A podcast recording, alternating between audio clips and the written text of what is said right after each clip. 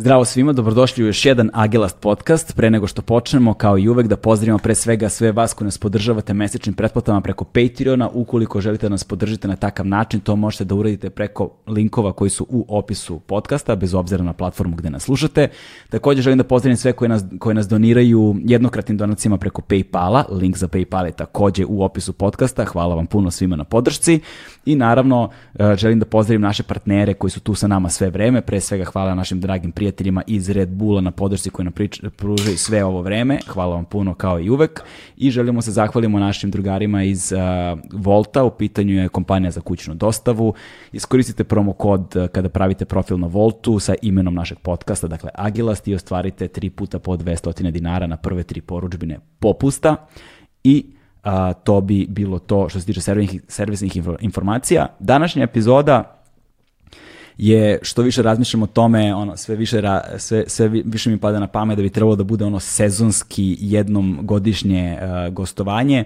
Da, prošli put nam je Stevan Dojčinović uh, iz Krika bio gost, uh, danas nam je gošća Bojana Jovanović koja je zamenica glavnog urednika Krika i razlog za njeno gostovanje je između ostalog, a, pored svih aktualnih tema koje se desilo u poslednjih godinu dana, kojih je nažalost bilo mnogo, svi bismo volili da u toj sferi društva nema puno vesti, ali nažalost ima ih i katastrofalne su.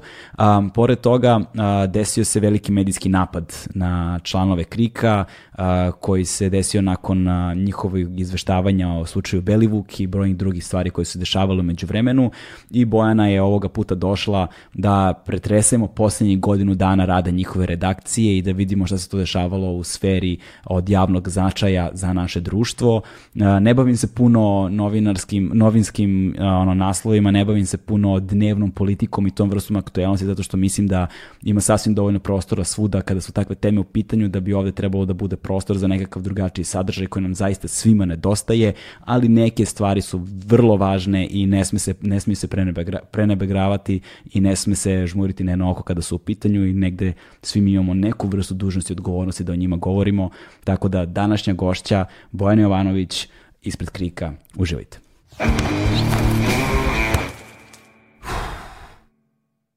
Hmm.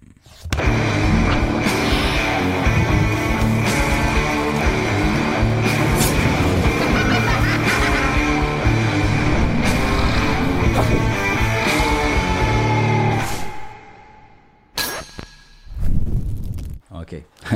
Kao počeli smo, dobro. Ovaj, nešto u vezi sa time postoji fundamentalno kao sediš i posmatraš sebe. Jeste, jeste, jeste. I slušaš svoj glas.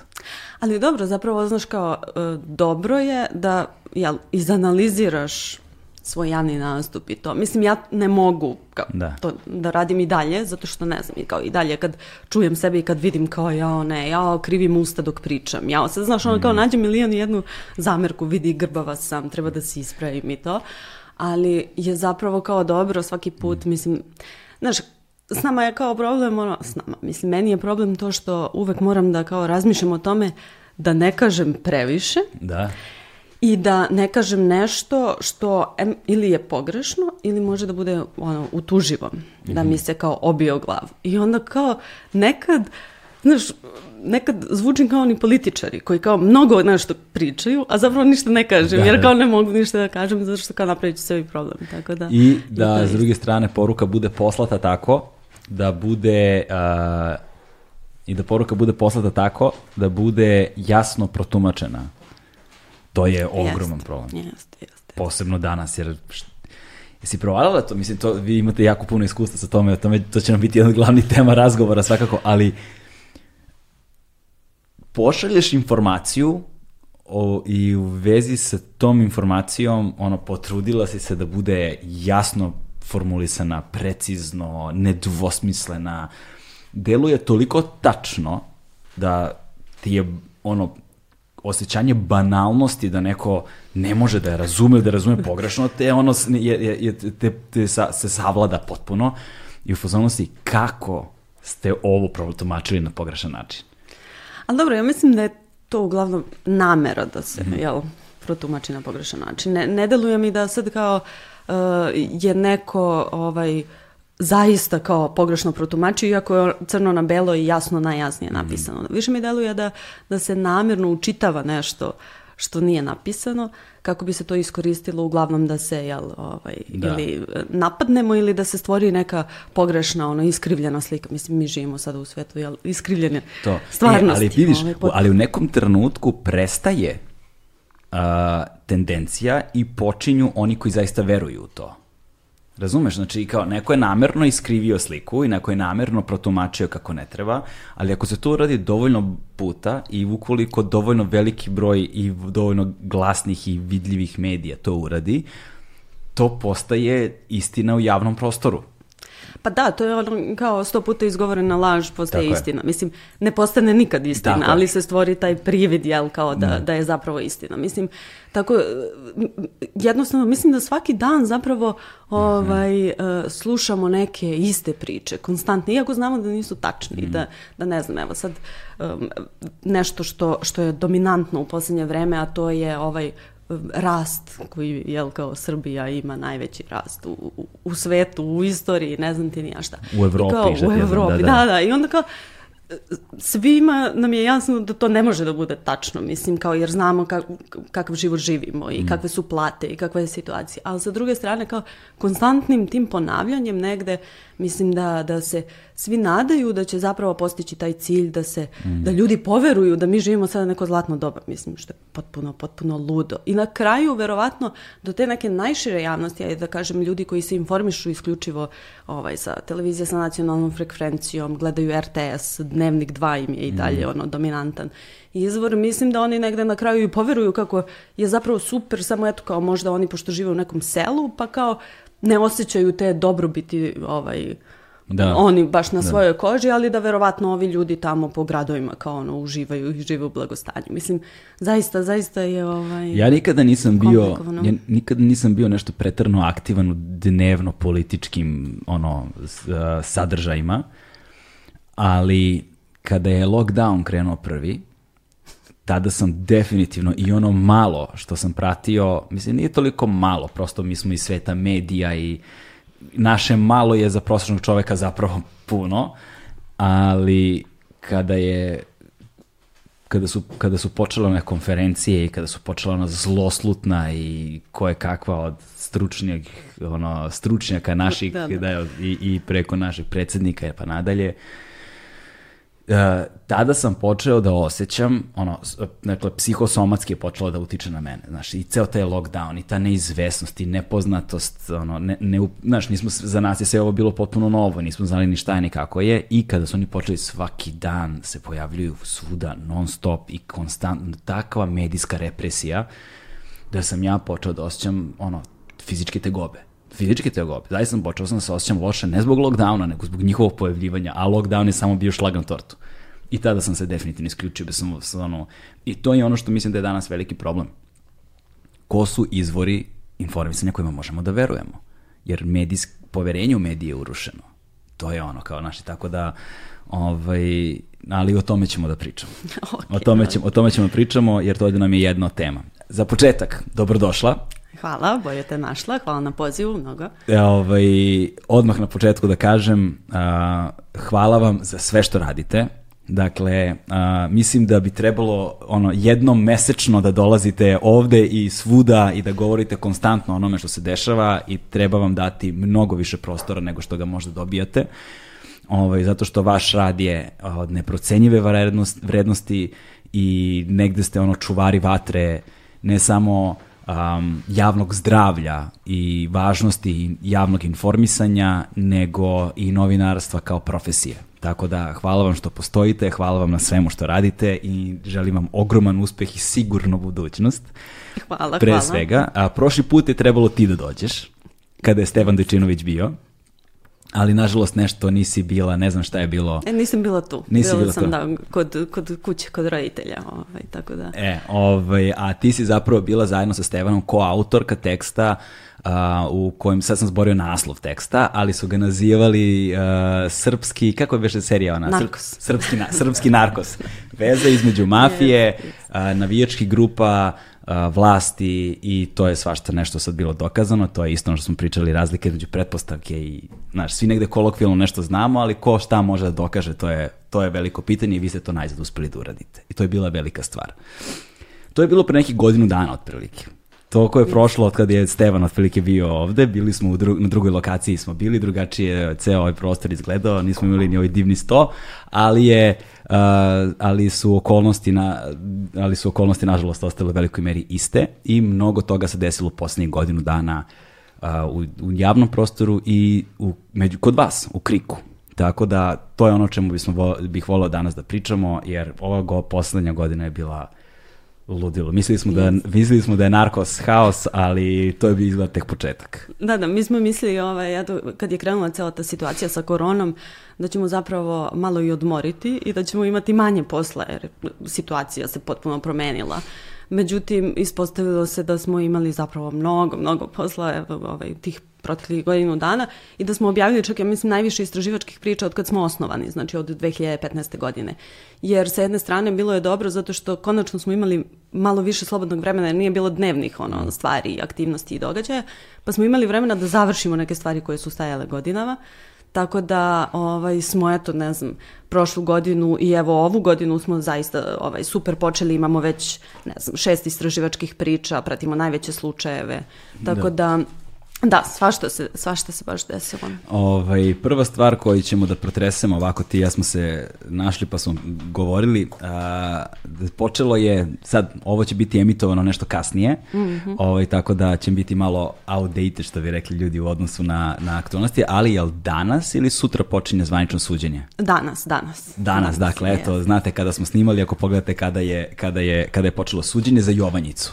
Jeste, jeste, za, za Jovanjicu 2. Jovanjicu 2. Jeste. E, hajde da pretresemo, negde da sumiramo celu tu priču o Jovanjici, šta se dešavalo, na koji način, pošto je tu i dalje ostalo puno nepoznanica, svašta se kruži unaokolo, pa hajde da pričamo o Jovanjici negde iz početka, pa ćemo doći do današnjeg dana. Ok, ovaj, pa ne znam, neko moj utisak je da, da Jovanjica je privukla pažnju najviše zbog toga što jel, dosta vremena se krilo šta se zapravo desilo. Znači, Eh, Jovanjica je kolokvijalan naziv za, za jednu veliku policijsku akciju u kojoj je zaplenjeno u novembru 2019. zaplenjeno je uh, tona i 600 kg marihuane na jednom poljoprivrednom dobru kod Stare Pazove. Dakle, Jovanjica je naziv firme i na plantažama zapravo te firme se gajila ovaj, marihuana. Firma je inače registrovana za organsku proizvodnju ovaj, povrća I zanimljivo je da su čak ovaj, i pojedini političari i predstavnici vlasti, funkcioneri državni odlazili tamo i posećivali ovaj,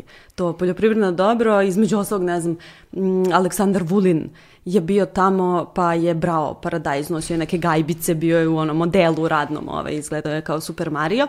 Tako da je bilo zanimljivo zato što, eto, sa jedne strane već su negde postojala je ta veza, odnosno videlo se da su pojedini ovaj, političari tamo bili.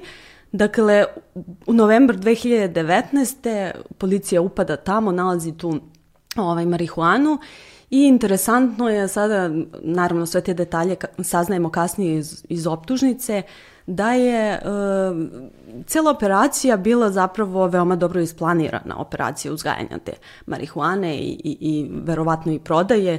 Nismo došli do, do nekih informacija da li se i koliko toga prodalo i da li je ovo prvi put da je zapravo uzgajana ta marihuana tamo, ali interesantno recimo da su postojala čak neke podzemne prostorije gde se ta marihuana sušila, gde se pravilo ulje, gde se ona pripremala, pakovala i pripremala za, za transport i za dalju prodaju. Ono što je zanimljivo i što je zapravo na, najviše pažnje privuklo jeste način na koji smo saznali za Jovanjicu.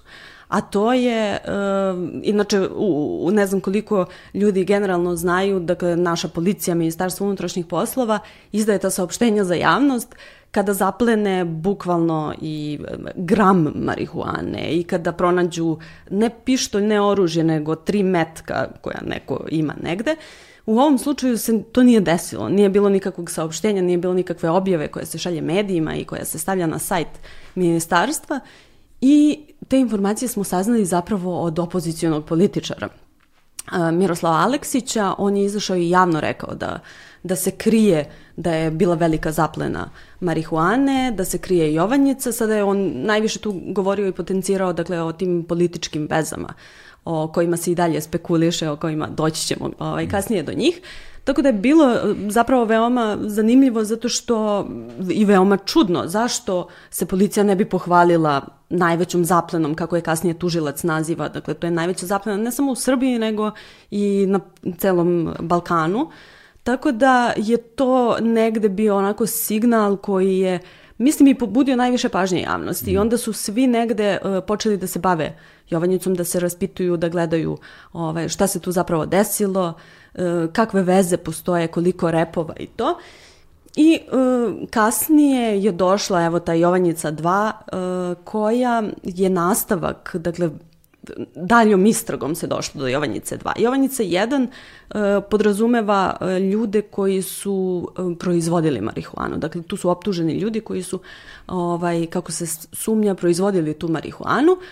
Jovanjica 2 je otišla korak dalje, pa su tu optuženi policajci, pripadnici BIE, Bezbednostno informativne agencije i Vojno-obaveštajne agencije, koji su pomagali prvo optuženom dakle Predragu Koluviji, da zapravo uh, izvede celu tu akciju. Znači oni su mu bili logistička podrška, uh, obezbeđivali su imanje da ne bi slučajno se otkrilo ili neko upao i dostavili su mu informacije barem tako tužilaštvo tvrdi, naravno to sad sve treba da se dokaže, ovaj, dostavljali su mu informacije o tome da li ga neko prati, E, da li postoji neka istraga, da li e, policija slučajno je podigla no, policijske dronove, pa da li je planirano da nadleću tu negde ovaj, u blizini imanja i to, tako da su mu dostavljali sve te informacije. Čak kako tužilac navodi, oni su mu obezbedili i neke policijske tablice kako bi mogao nesmetano da putuje, takozvane operativne tablice koje policija koristi ono kada prati nekog, pa to su one tablice koje se često menjaju i e, obezbedili su mu čak i rešenje e, vojno-obaveštajne agencije da je on pripadnik, da je potpukovnik voje, dakle da je zaposleni u voji. Tako da, dakle, imao je popriličnu, ovaj, popriličnu zaštitu u samim državnim strukturama i zbog toga je zapravo Jovanjica bitan slučaj. Sa jedne strane, da, kao kako je e, mogao neko da proizvede e, više od tone i po marihuane u, u, u sred Srbije na nekom poljoprivrednom dobru, a da to ne bude primećeno i da niko ne zna šta se dešava tu. A sa druge strane e, pokazuje da su ljudi iz državnih struktura zapravo učestvovali u tome i da su pomagali i da su najverovatnije jel, omogućili da se zapravo e, sve to desi. Uh, ono što je zanimljivo jeste zapravo to suđenje koje, koje će da počne za Jovanjicu 2. Zanimljivo je zato što je e, tužilac prilikom istrage došao do, e, do prepiske između tog prvo optuženog Koluvije i ostalih e, optuženih. oni su svi koristili, inače to je veoma zanimljivo, koristili su specijalnu aplikaciju za telefon koja je posebno napravljena, ovaj, modifikovana za njih, zove se Razgovori I, uh, znači, na, naši ljudi su razvili aplikaciju, on, to je da, neki da, njihovi da, ljudi. Da, da, da, da. Dakle, to bi, trebalo bi da, da, trebalo je da bude zapravo prilagođeno, ona jeste prilagođena, samo su je oni koristili, dobijali su specijalne telefone, znači zaposleni na Jovanjici koji su bili, mislim sada su optuženi, koji su učestvovali u, u celoj ovoj akciji, su dobijali specijalni telefon na kom je već bila instalirana ta Kako aplikacija. Su, to obični mobilni telefoni ili neki specijalni telefoni koji drugačije izgledaju? Mislim da su obični mobilni, možda Blackberry Aha. su verovatno bili. Nisi ih videla ovaj, to? Ne, ne, nisam, da, da, nisam. Da, okay, okay, dobro, dobro. nisam, ne, je neko od vas video aplikaciju kako izgleda? Ne, ne, ne, ovaj, zato što je to i dalje, nije, nije ni počelo suđenje, u smislu nije predstavljeno na, na sudu, tek tada ćemo moći zapravo da vidimo... Ovaj, Evo, će suđenje biti otvoreno za javnost u tom kontekstu? Će pa, moći... da, da, da, znači jedno suđenje je već počelo za ovu po ovoj prvoj optužnici, za Jovanjicu 1, mm. Jovanjica 2 počinje danas, postoji opcija da se ta dva suđenja spoje, pa će, pošto je jedno, jedan ovaj, veliki postupak, ali je zanimljivo da ta aplikacija razgovor inače postoji, ovaj, mislim da može da se skine ono sa Google Playa, ali je ovde bila modifikovana, malo je izmenjena kako bi ovaj, eto, koristili je samo oni. Dakle, nije bila ono enkriptovana da. kao signal, ali je ovaj, bila eto, prilagođena njima, međutim, tu je nastala cela, ceo problem je nastao zapravo pošto je, kako tužilac tvrdi, Koluvija bio toliko ubeđen da ovaj, neće moći da se uđe uopšte u tu aplikaciju, pošto je tu bilo, ne znam, sistem tri, ši, tri šifre, dakle prvo jednom da se otključa pa drugi pa treći put da bi se došlo uopšte do, do ovaj, sadržaja. Međutim, problem je postojao, problem je bio server Jer... Znači išlo je preko servera. da, da, tako da... Ovaj, džabe ti enkripcije, da džabe ti šifre, ba to. Da, da, da, tako da je ovaj, zapravo ti zadržani podaci su svi postojali i veoma lako je tužilac ovaj, mogao da, da pristupi svim tim razgovorima. Preko ono čijeg servera je to išlo? E, pa to se ne znam. A, pa se to dobro, dobro. ne, ne, ne, nemam ja informacije, mislim, verovatno o tužilacima, ali ovaj, to, to ne znam sada u ovom trenutku. I ono što je zanimljivo jeste da su recimo ti bezbednjaci i policajci sa Koluvijom imali grupu koja se zvala Savet za bezbednost. Jer su oni bili zaduženi za bezbednost. I, ovaj, I onda ta prepiska je zapravo uh, veoma zanimljiva i to će naravno tokom suđenja će biti predstavljeno ovaj, među dokazima, ali može da se vidi kako su oni ovaj, davali savete, jel, uh, koje se tiču bezbednosti, kako se dogovaraju ko će da dežura, da čuva imanje, da obilazi ovaj, imanje, znači bili su naoružani. I uh, čak može da se vidi, pošto iz, iz tog sadržaja koji je predstavljen zapravo u optužnici koju je tužilac citirao tamo, može da se vidi da je e, Koluvija konstantno bio zabrinut za, za bezbednost. Zapravo više se plašio da će da neka konkurencija dođe mm -hmm. i da, da ga opljačka. I vidi se da su mu oni zapravo govorili da nema razloga da brine. U, smirivali su jednostavno situaciju da. i, ovaj, i e, da su zapravo e, tu negde su mu govorili kako radi, čak ima jedna, jedan citat gde um, pripadnik bije govori nemoj da brineš, radiš zdravu sistemsku priču a on gaji marihuanu što je... Znači, što, što znači zdrava sistemska priča, kao, da, kao, kao marihuana je zdrava. Kao. Pa, verovatno. Pa, da, marihuana da, u velikoj meri jeste zdrava, Nije, ali to nije ono o čemu razgovaramo. Da, da, da, da. Tako da ovaj, zanimljivo eto, način na koji ovaj, su oni uh, komunicirali, vidi se da zapravo, to je takođe zanimljivo i ima veze sa ovim što sam mm. rekla, kako eto mi neko vreme već nismo znali da se Jovanjica uopšte desila, dakle da, da je došlo do te zaplene i slično. I onda vidimo zapravo iz tih e, presretnutih e, razgovora, iz njihove komunikacije da su uh, ti bezbednjaci da. upravo razmišljali i kovali plan na koji način da spreče da te informacije izađu u javnost. Dakle, da li postoji način na koji mogu da utiču na medije da ta informacija ne ode u javnost. E, ono što se kasnije desilo jeste da e, je tada ministar policije ovaj, Nebojša Stefanović jedno vreme je krio i dalje je čutao, iako je ovaj opozicionar pričao na velikoj Jovanjici, Stefanović je čutao da bi na kraju konačno priznao da da se desila ta velika akcija i zaplena, ali da eto on nije hteo ovaj, da izlazi, da daje bilo kakve informacije, kako ne bi upozorio potencijalne buduće izvršioce krivičnog dela. Ovaj, tako da je jedno onako poprilično nespretno i, i mogu reći nesrećno um, objašnjenje, obrazloženje koje i dalje, eto, ovaj, cela ta situacija budi zapravo sumnju da tu postoji nešto više. Ono što je zanimljivo jeste, pošto smo mi došli ovaj, do, do prve optužnice, pa nakon toga i do druge optužnice, daleko pre suđenja, pa smo objavili sve te detalje i sve ove razgovore, sve ovo što pominjem može da se pročita već na našem sajtu, ali je zanimljivo da smo analizom te optužnice videli da tužilac neke stvari nije, da kažem, uradio do kraja. Videlo se da su ostali negde repovi u smislu um, policajci su uh, optuženi da su obezbedili Koluviji te operativne specijalne policijske tablice, ali njihovi nadređeni nisu čak pozvani ni, ni da daju iskaz. A nemoguće da osobe koje su jel, bile podređene nekome da su mogle to da izvedu, a da uh, taj šef to ne zna. U ovom slučaju je zanimljivo zašto je taj šef Dijana Hrkalović, o kojem mnogo reči u, u javnosti i mnogo različitih e, veza o, koje su otkrivene sa, sa, sa kriminalcima i sa kriminalnim grupama. Tako da je interesantno eto da, da je tužilac negde tu uh, propustio da nju pozove da sasluša s obzirom da su ta dvojica policajca koji su optuženi, jedan od njih je bio njen telohranitelj i vozač, a drugi je baš kao bio njen asistent. Tako da u svakom da. slučaju očekujemo, očekivalo bi se jel da možda ona nešto zna, ako ništa drugo da, da barem bude saslušana. Sa druge strane, pojedini policajci su saslušani, ovaj, odnosno oni su došli kao svedoci, u tužilaštvu su ispričali um, neke stvari, video se da oni zapravo takođe poznaju to, uh, Koluviju, iz njihovog iskaza je jasno da su čak i odavali neke uh, informacije poverljive uh, Koluviji i odnosno članovima te njegove grupe i ipak su i oni samo, samo svedoci. Tako da, recimo, jedan od njih je uh, članovima grupe go, odavao, odnosno govorio, davao informacije o tome da li su policijski dronovi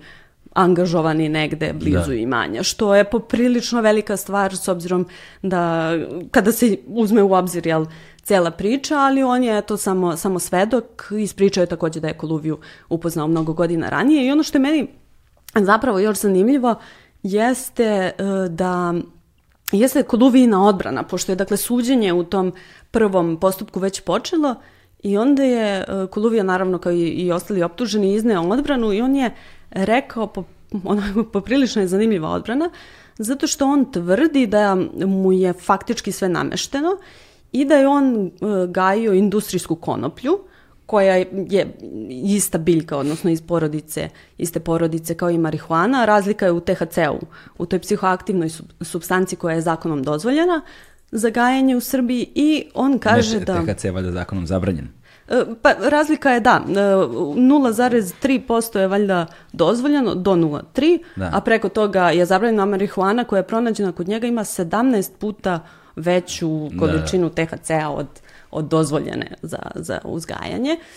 I e, interesantno je da je on rekao da je zapravo on gajio dakle, industrijsku konoplju i da je nakon, da je faktički onog trenutka kad je policija upala, da je policija zasadila, da je tada zasađena marihuana i da je ta marihuana iskorišćena, odnosno da je, se ta marihuana će se sad koristiti kao dokaz. Aha, znači da mu je podvaljeno. Pa da, faktički, dakle, e, policija je upala na njegovo imanje, E, pokupila je industrijsku konoplju, zasadila je marihuanu, odnosno indijsku konoplju i e, predstavlja tu marihuanu kao da je on uzgajao iako on to nije radio. Tako da je poprilično onako e, njegova odbrana nekako mi deluje kao poprilična teorija zavere, da, da, da tako On, kažem. To jeste tonu i koliko da su oni zasadili. Da, da, da, da je policija zasadila i uzgajila da, tamo. Da, da, da, aha, to tako je. Da, Sad to postavlja pitanje pre svega koliki je vremenski period bio od trenutka kada se desila akcija do trenutka dok nije uh, javnost saznala za nju? Pa, uh, nešto je kratko, kratak je taj period, nekoliko nedelja mislim da je u pitanju, ali uh, je fora u tome što, ne znam sad, on na sudu kako je izneo odbranu e, rekao je da e, postoji jel, šansa da ne znam sad koliko vremena treba da, da ta marihuana izraste i sve to i da se zbog toga je policija čekala sa nekim i tužilaštvo sa veštačenjem biljaka kako bi uspeli sve da, ovaj, da ove i osuše i sve i da ih zapravo veštače nakon toga da bi predstavili eto kao, kao da je to njegovo iako mm -hmm. to, to nije njegovo. I Tu je takođe zanimljivo eto što deluje da istraga nije otišla do kraja, Aha. dakle zanimljivo je da... Njegova odbrana. Zanimljiva je njegova odbrana. Zanimljivo je to što u, u više navrata se svedoci su govorili o tome čak da su sa njim putovali ovaj, e, na, na hi, do, u Hilandar, do Hilandara. To je onako isto zanimljivo, ovaj, pošto je, ne znam, ovaj, čak se nije ni, ni, tužilac se nije toliko naravno bavio time, ali oni su putovali preko Severne Makedonije, tu su se zadržavali nekoliko dana. Koluvija iz iskaza pojednih svedoka e, bio predstavljen kao čovek koji ima dobre veze u službama u Severnoj Makedoniji, tako da e, je to takođe još jedan deo ovaj, celog slučaja. Međutim, e, sada evo u, u javnosti i novinari ovaj, koji prate tu, tu priču, pa čak i zapravo opozicija, opozicioni političari, ovaj, stalno pričaju o toj potencijalnoj Jovanjici 3 jer je sada to negde kao ključno pitanje. Da li će biti Jovanjice 3? Da li će uh, neko od političara, od predstavnika vlasti biti uh, optužen? Tu se naravno ovaj, uglavnom sve povezuje sa predsjednikom države, sa Aleksandrom Vučićem i sa njegovim bratom. I dalje je sve to naravno na nivou spekulacije, ne postoje nikakvi dokazi koji ovaj, vode direktno do, do jednog ili drugog, ali je i sam Koluvija ovaj, u svojoj odbrani os, rekao između ostalog da ga je e, policajac, odnosno inspektor, nakon hapšenja, mm -hmm. da ga je pritiskao da e, prizna, odnosno da, da počne da sarađuje sa policijom, a da e, ocinkari Andreja Vučića, odnosno da kaže da iza svega toga stoji Andrej Vučić, tako da eto i, i, i to je još jedna, jedan razlog verovatno zbog čega uh, se ceo, ceo slučaj dovodi u vezu sa Andrejom, sa Andrejem i Aleksandrom Vučićem. Uh, ono što je takođe zanimljivo jeste da, da osim Andreja Vučića, Koluvija je tu pominjao i Zvonka Veselinovića, kontroverznog ovaj, biznismena sa severa Kosova koji je veoma moćan i veoma važan i, i ima veoma razvijene poslove e, koji jedno vreme se bavio, ovaj, bio je s one strane e, bavio se kriminalom, sada se legalizovao i u potpunosti radi e, legitimne stvari i dobija veoma, veoma dosta novca od države kroz različite ugovore i, i tendere i javne nabavke. Tako da, eto, tu se pričalo o tome, sa druge strane bila je i ona priča o mobilnom telefonu, da je navodno Koluvija nakon hapšenja odmah pozvao Andreja Vučića, to je takođe opozicija predstavljala u javnosti. Nakon toga je tužilaštvo za organizovani kriminal navodno vršilo veštačenje tog telefona da utvrdi da li on kontaktirao Vučića i sada opet, kao što to uvek naše institucije urade, tu su se malo igrali sa, sa tim vremenskim ovaj, okvirima i da. periodima, da. tako da su oni uzeli i um, određeni vremenski period dakle i jedan uh, mobilni telefon, pa su proverili, pa su rekli da uh, ne mogu da utvrde da je bilo kontakta, ne čak ni, nije bilo kontakta, nego da ovaj, nisu mogli da utvrde i opet je ostalo na tome, dakle nisu proveravali da li je ikada bilo kontakta između njih. I tu se negde za sada priča smirila, deluje da, e, mislim, nemam sada informacije da li postoji neka da, dalja istraga, da. da li će zapravo da se otkriva ta politička pozadina, jer zapravo ako imate toliko ljudi koji su optuženi i same e, države iz, iz državnih struktura, pripadnike bije, voje, policije, sasvim sigurno da postoje i neki ljudi na višim pozicijama koji su Eh, ako ništa drugo, barem znali, ovaj, imali informacije o tome šta se tamo dešava, a ako ne i nešto, nešto više. Koliko ljudi je zapravo optuženo po toj optužnici? Pa, po prvoj optužnici mislim da je devet mm -hmm. osoba i po drugoj, je, dakle, Koluvija je ponovo i još osam osoba, dakle, osam policajaca i, i, i bezbednjaka. Jedan od njih je u bekstvu ovaj, i on se, eh, to je pripadnik voje i on se po svemu sudeći trenutno nalazi u Americi, bar njegova uh, supruga je tako rekla tužiocu, tako da, uh, eto, svi ostali su uhapšeni. Interesantno je da je Koluvijin vozač, ovaj, koji je optužen u toj Jovanjici 2, da je on pušten iz pritvora i onda je nedugo nakon toga uhapšen kao uh, član organizovane kriminalne grupe koja je uh, prodavala heroin, švercovala heroin iz Bugarske, Što nam je opet govori da e, to nisu tek tako neki ljudi da. random da. uh, obuhvaćeni ovom optužnicom. Nije neka ono, autohtona grupa koja se samostalno okupila, nevezano za puteve droge, da, za da. međunarodnu mrežu i tako Nego dalje. Nego su to ljudi koji očigledno imaju veze, ovaj, u, u dublje veze u, u da. kriminalu i koji su verovatno duže vreme u da. tome, jer je nemoguće da neko izađe iz pritvora i da za, ne znam, uh, deset dana postane član nove organizovane kriminalne grupe dok mu se sudi već da, da. da je član ovaj, jedne. Tako da, očigledno da tu ima ljudi koji su onako ozbiljnije u, u kriminalu. Da, da nisu kažem. baš ono ortaci iz kraja okupili se i slučajno se znaju eto iz osnovne škole, znaš, da. ali to i svi rade u, u, u različitim u... državnim službama. da, da, da, da, tako da je očigledno da tu ovaj postoji nešto i više i u, u tom smislu da su to ljudi koji poznaju i tržište i kako funkcioniše i prodaja i koji imaju dobre veze u tim ovaj u, u podzemlju a sa druge strane eto očigledno da, da im je bila potrebna i pomoć nekih važnijih uticajnijih ljudi iz policije i bije koji bi mogli da. da, da ih zaštite i da im pomognu tu ako ništa drugo, ovaj, eto, da, da odbrane i manje od potencijalnih neprijatelja. Sad me zanima, ono, čega li je sve bilo u tim prepiskama preko tih aplikacija? Ali bilo tu samo ovaj, u vezi sa imanjem ili je tu bilo i drugih ono, privatnih stvari?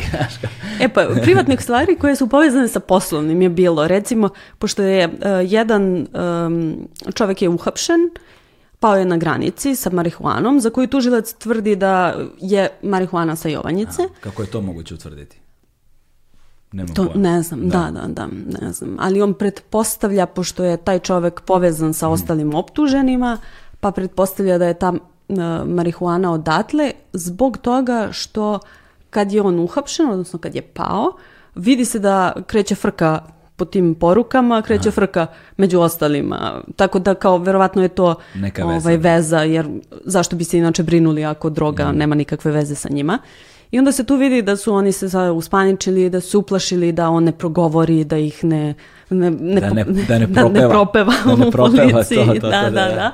I, ovaj, I onda, uh, između ostalog, jedna od poruka koju je Koluvija poslao, je kako uh, mu je žena poludela i kako hoće da ga ostavi sad zato što se plaši da, da će i on da, da. da, da bude uhapšen. Tako da u tom smislu ima nekih privatnih poruka, ali su zapravo vezane jel, da, da. Za, za posao. Ali svakako da, da je zanimljivo i verujem da tužilac nije sve te poruke zapravo stavio u te optužnice, mm. nego da će toga biti još ovaj, da. na A možda na nisu ni relevantne za, za sam postupak, ono, da, da, da. svakako, ali je zanimljivo to kako se cela jedna životna drama odvija, razumeš, u nekom tom digitalnom prostoru, ali mi je neverovatno da celu toj ekipi, posebno što su tu ljudi iz obaveštenih službi, kao nisu računali na servere na kojima se skladište poruke. Mislim, ceo koncept da, enkripcije da, da, preko signala, i nekada i Telegrama, ne znam da li Telegram dan je to funkcioniše po tom principu, ali samo za signal trenutno pouzdano znam. I ono, da. enkripcija od čoveka do čoveka, nema servera na kojima se skladište i čuvaju poruke i s kojih može da se čupaju. Mogu pa da se čupaju. da, na kraju se, eto, ovaj, to je dobar primer možda um, koji pokazuje da je najbolje držati se proverenih stvari, iako su besplatne i da, da. dostupne svima poput signala. Da. Ovaj, ispostavilo se da je možda i najsigurnija opcija upravo zbog toga što nema zadržanih podataka, niko ne može da im pristupi. E, veoma teško, mm. mislim, sve i da, da postoje ti podaci, odnosno postoje podaci samo s kim ste komunicirali, da. jel?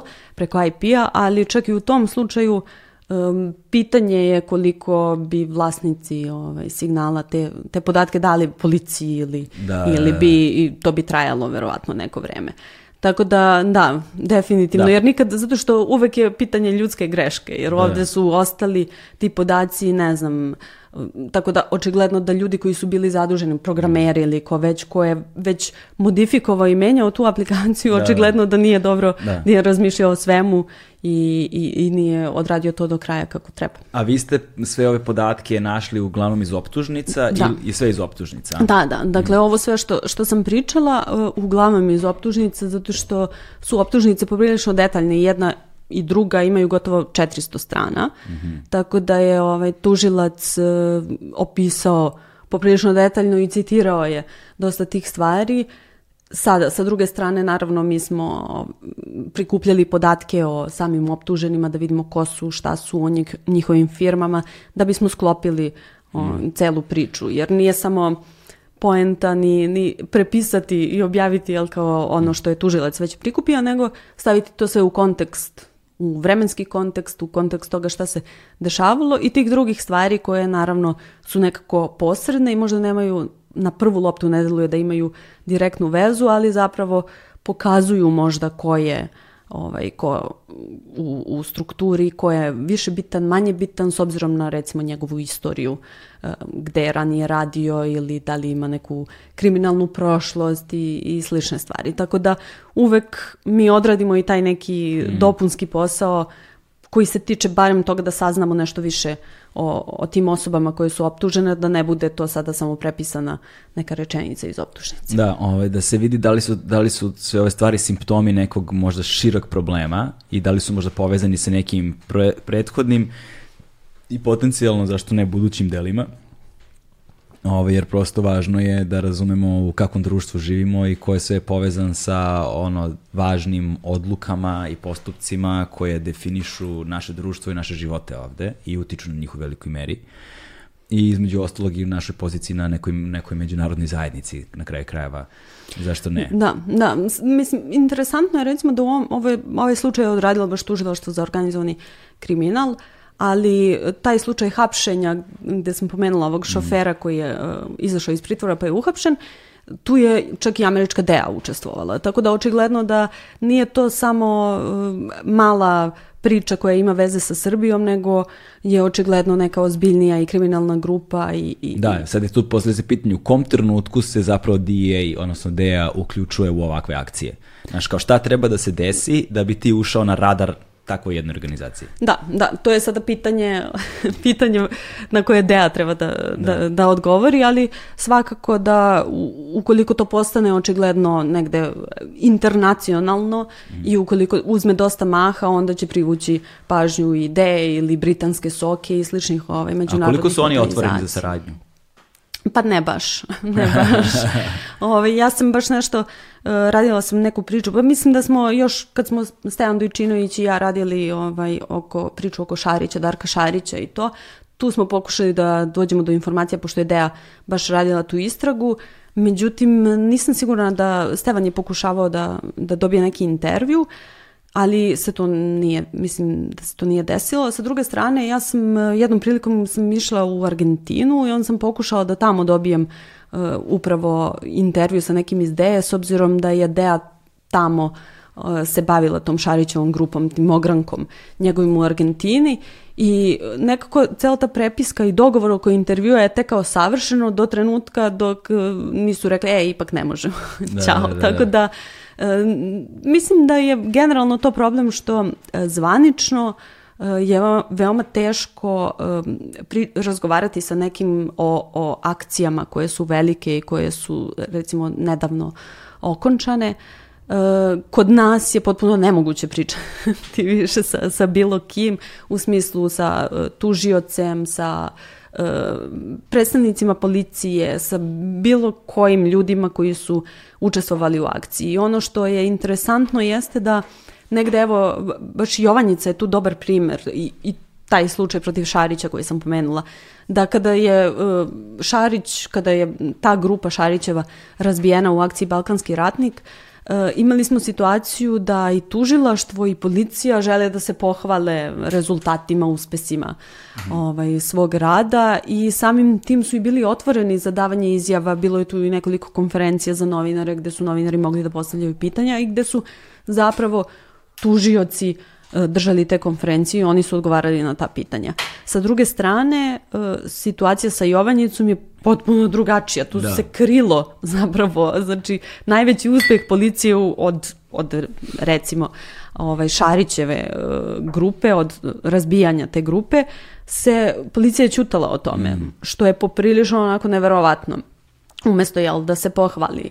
E, čutala je, nisu hteli da daju nikakve informacije i danas, evo kasnije kada se desilo sve ovo sa hapšenjem Veljka Belivuka i, i te njegove grupe, zapravo nisu tu predstavnici policije i tužilaštva ti koji drže konferencije za novinare i koji odgovaraju na neka pitanja, nego sada su političari zauzeli te pozicije i sada nemoguće je zapravo otići na neku konferenciju za novinare i videti tužioca i postaviti mu pitanje, što je prosto neverovatno. Evo, mi imamo republičkog javnog tužioca, ne znam da li, da li si to video, um, Zagorku Dolovac, koja se krila uh, jer novinari N1 su se snimali ispred skupštine, znači onaj klasični stand-up gde novinar govori nešto u kameru, završava, snima se za prilog i ona se vidi u pozadini. Mislim, verovatno niko ne bi ni primetio da je to ona, da nije podigla neke papire koje je držala i sakrila glavu dok prođe. Mislim, to je,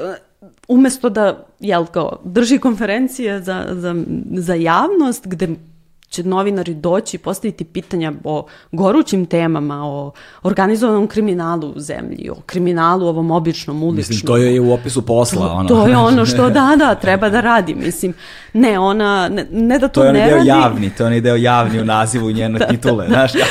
Javno tužilaštvo, da. da.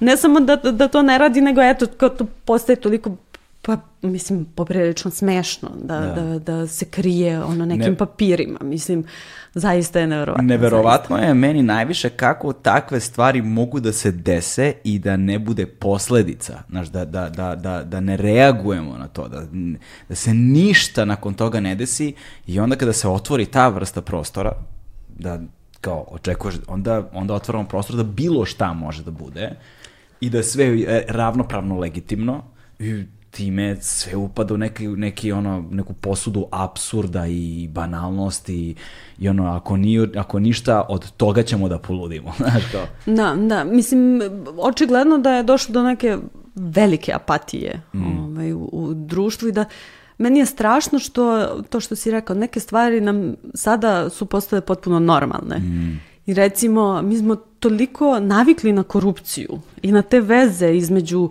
države i predstavnika vlasti sa kriminalom, da čak nam nije ono, mislim naravno da jeste problematično, ali kada pričate sa ljudima, nikome nije problem to, ne vidi kao problem to što će policajcu sa obraćajcu da da hiljadu dinara da mu ne napiše kaznu. Mislim, da. Što je klasičan mito, jel? Da. I kao u nekim normalnim... Ovaj... Nema sada je do 400 evra poklon. Kako beše? da, da, da. Pa, mi smo otišli korak dalje pa smo to legalizovali da, da. ovaj, zakonom gde, gde moguće dati kao faktički mito koji će da se vodi kao poklon, ali nekako smo tako navikli na, postala nam je svakodnevnica mm. i ta korupcija i, i, i kriminal da negde moraju baš neke velike, veliki slučajevi da, da se mm. pojave da bismo se malo razmrdali, a posle nekog vremena čak i ti slučajevi nam postanu nekako nerelevantni, pa kao, da, kao Sava Mala recimo, da. meni je to super slučaj zato što i, i, i ne, Hercegovačka. Hercegovačka to rušenje da. nelegalno tokom noći, gde svi smo bili zgranuti u početku, a onda kako je vreme odmicalo i sad se vraćamo na početak one naše priče gde je ono sto puta ponovljena laž, mm. negde ne postaje istina, ali se tako je... Percipira. Per, da. I, ovaj, I onda e, tu sa slučajem rušenja tog bespravnog, nezakonitog e, rušenja u, u Hercegovačkoj, to je baš dobar primjer toga.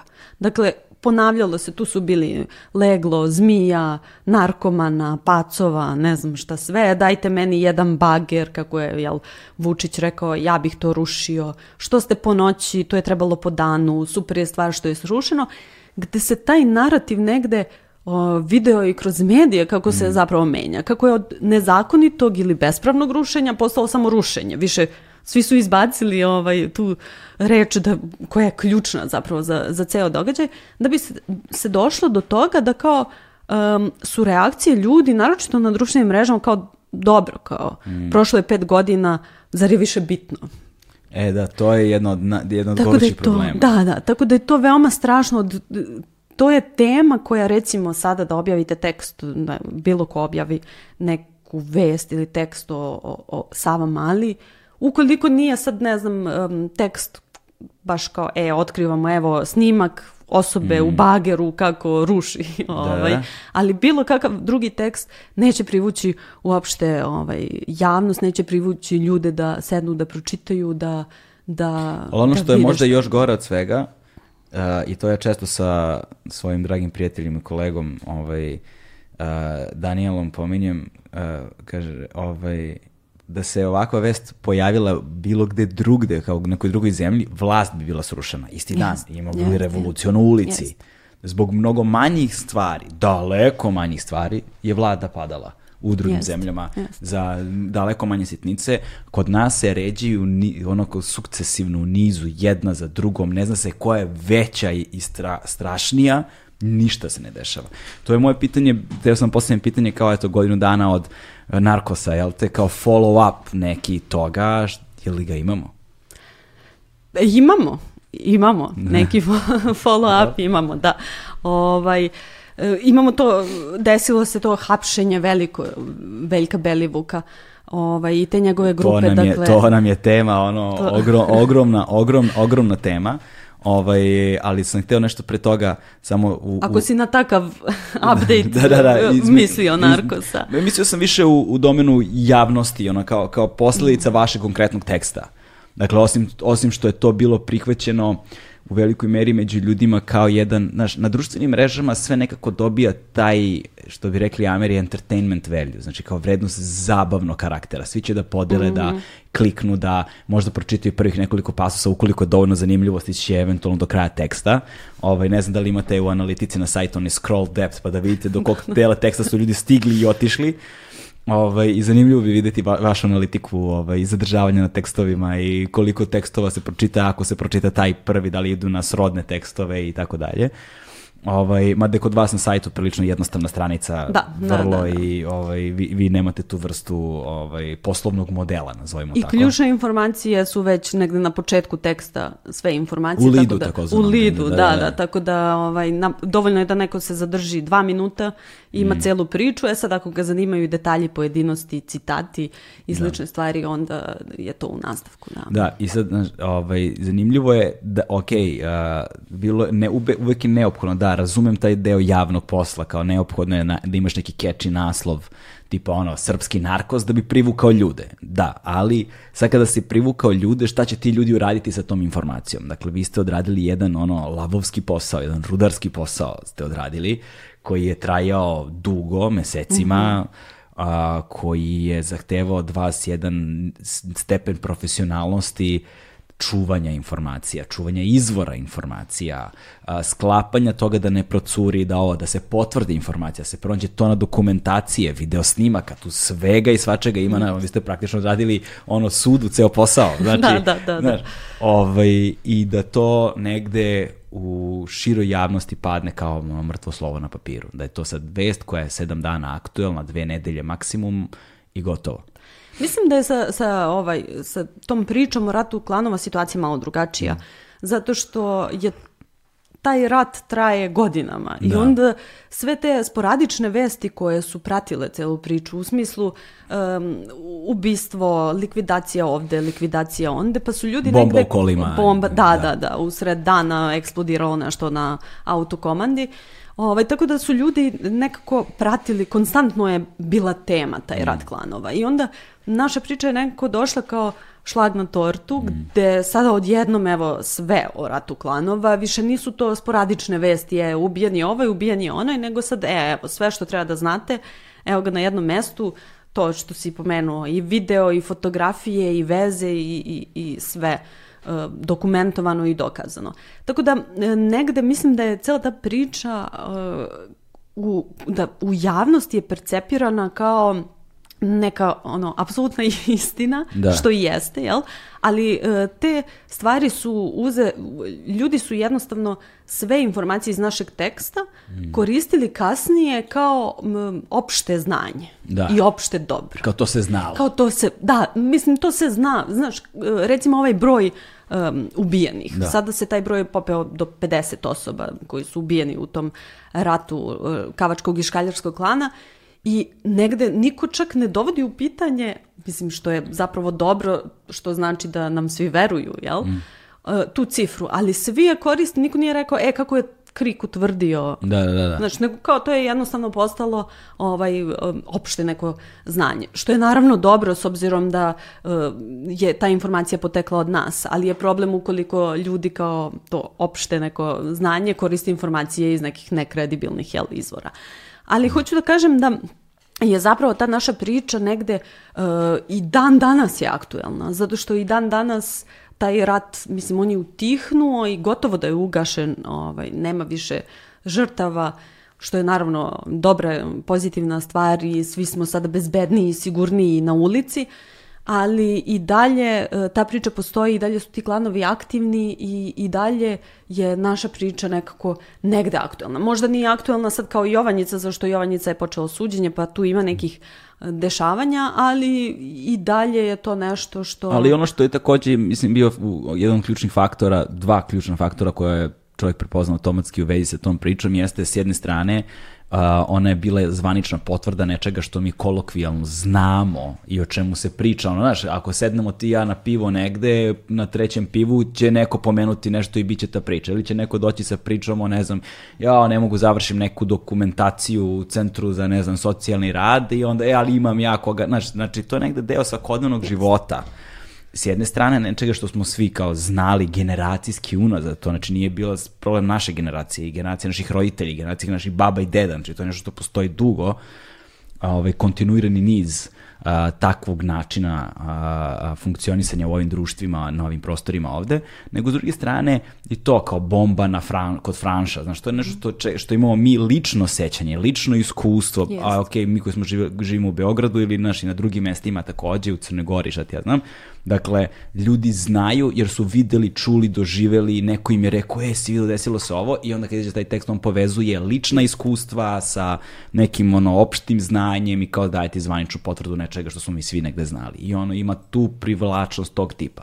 Ali ono gde leži ogroman problem kada govorimo o ovakvim stvarima jeste što mi imamo situacije da teme koje nisu pod znacima navoda dovoljno seksi javnosti, koje ne deluju kao neki wow naslovi, prolaze potpuno ispod radara da je javnost totalno nezainteresovana. Jeste, jeste, a, apsolutno.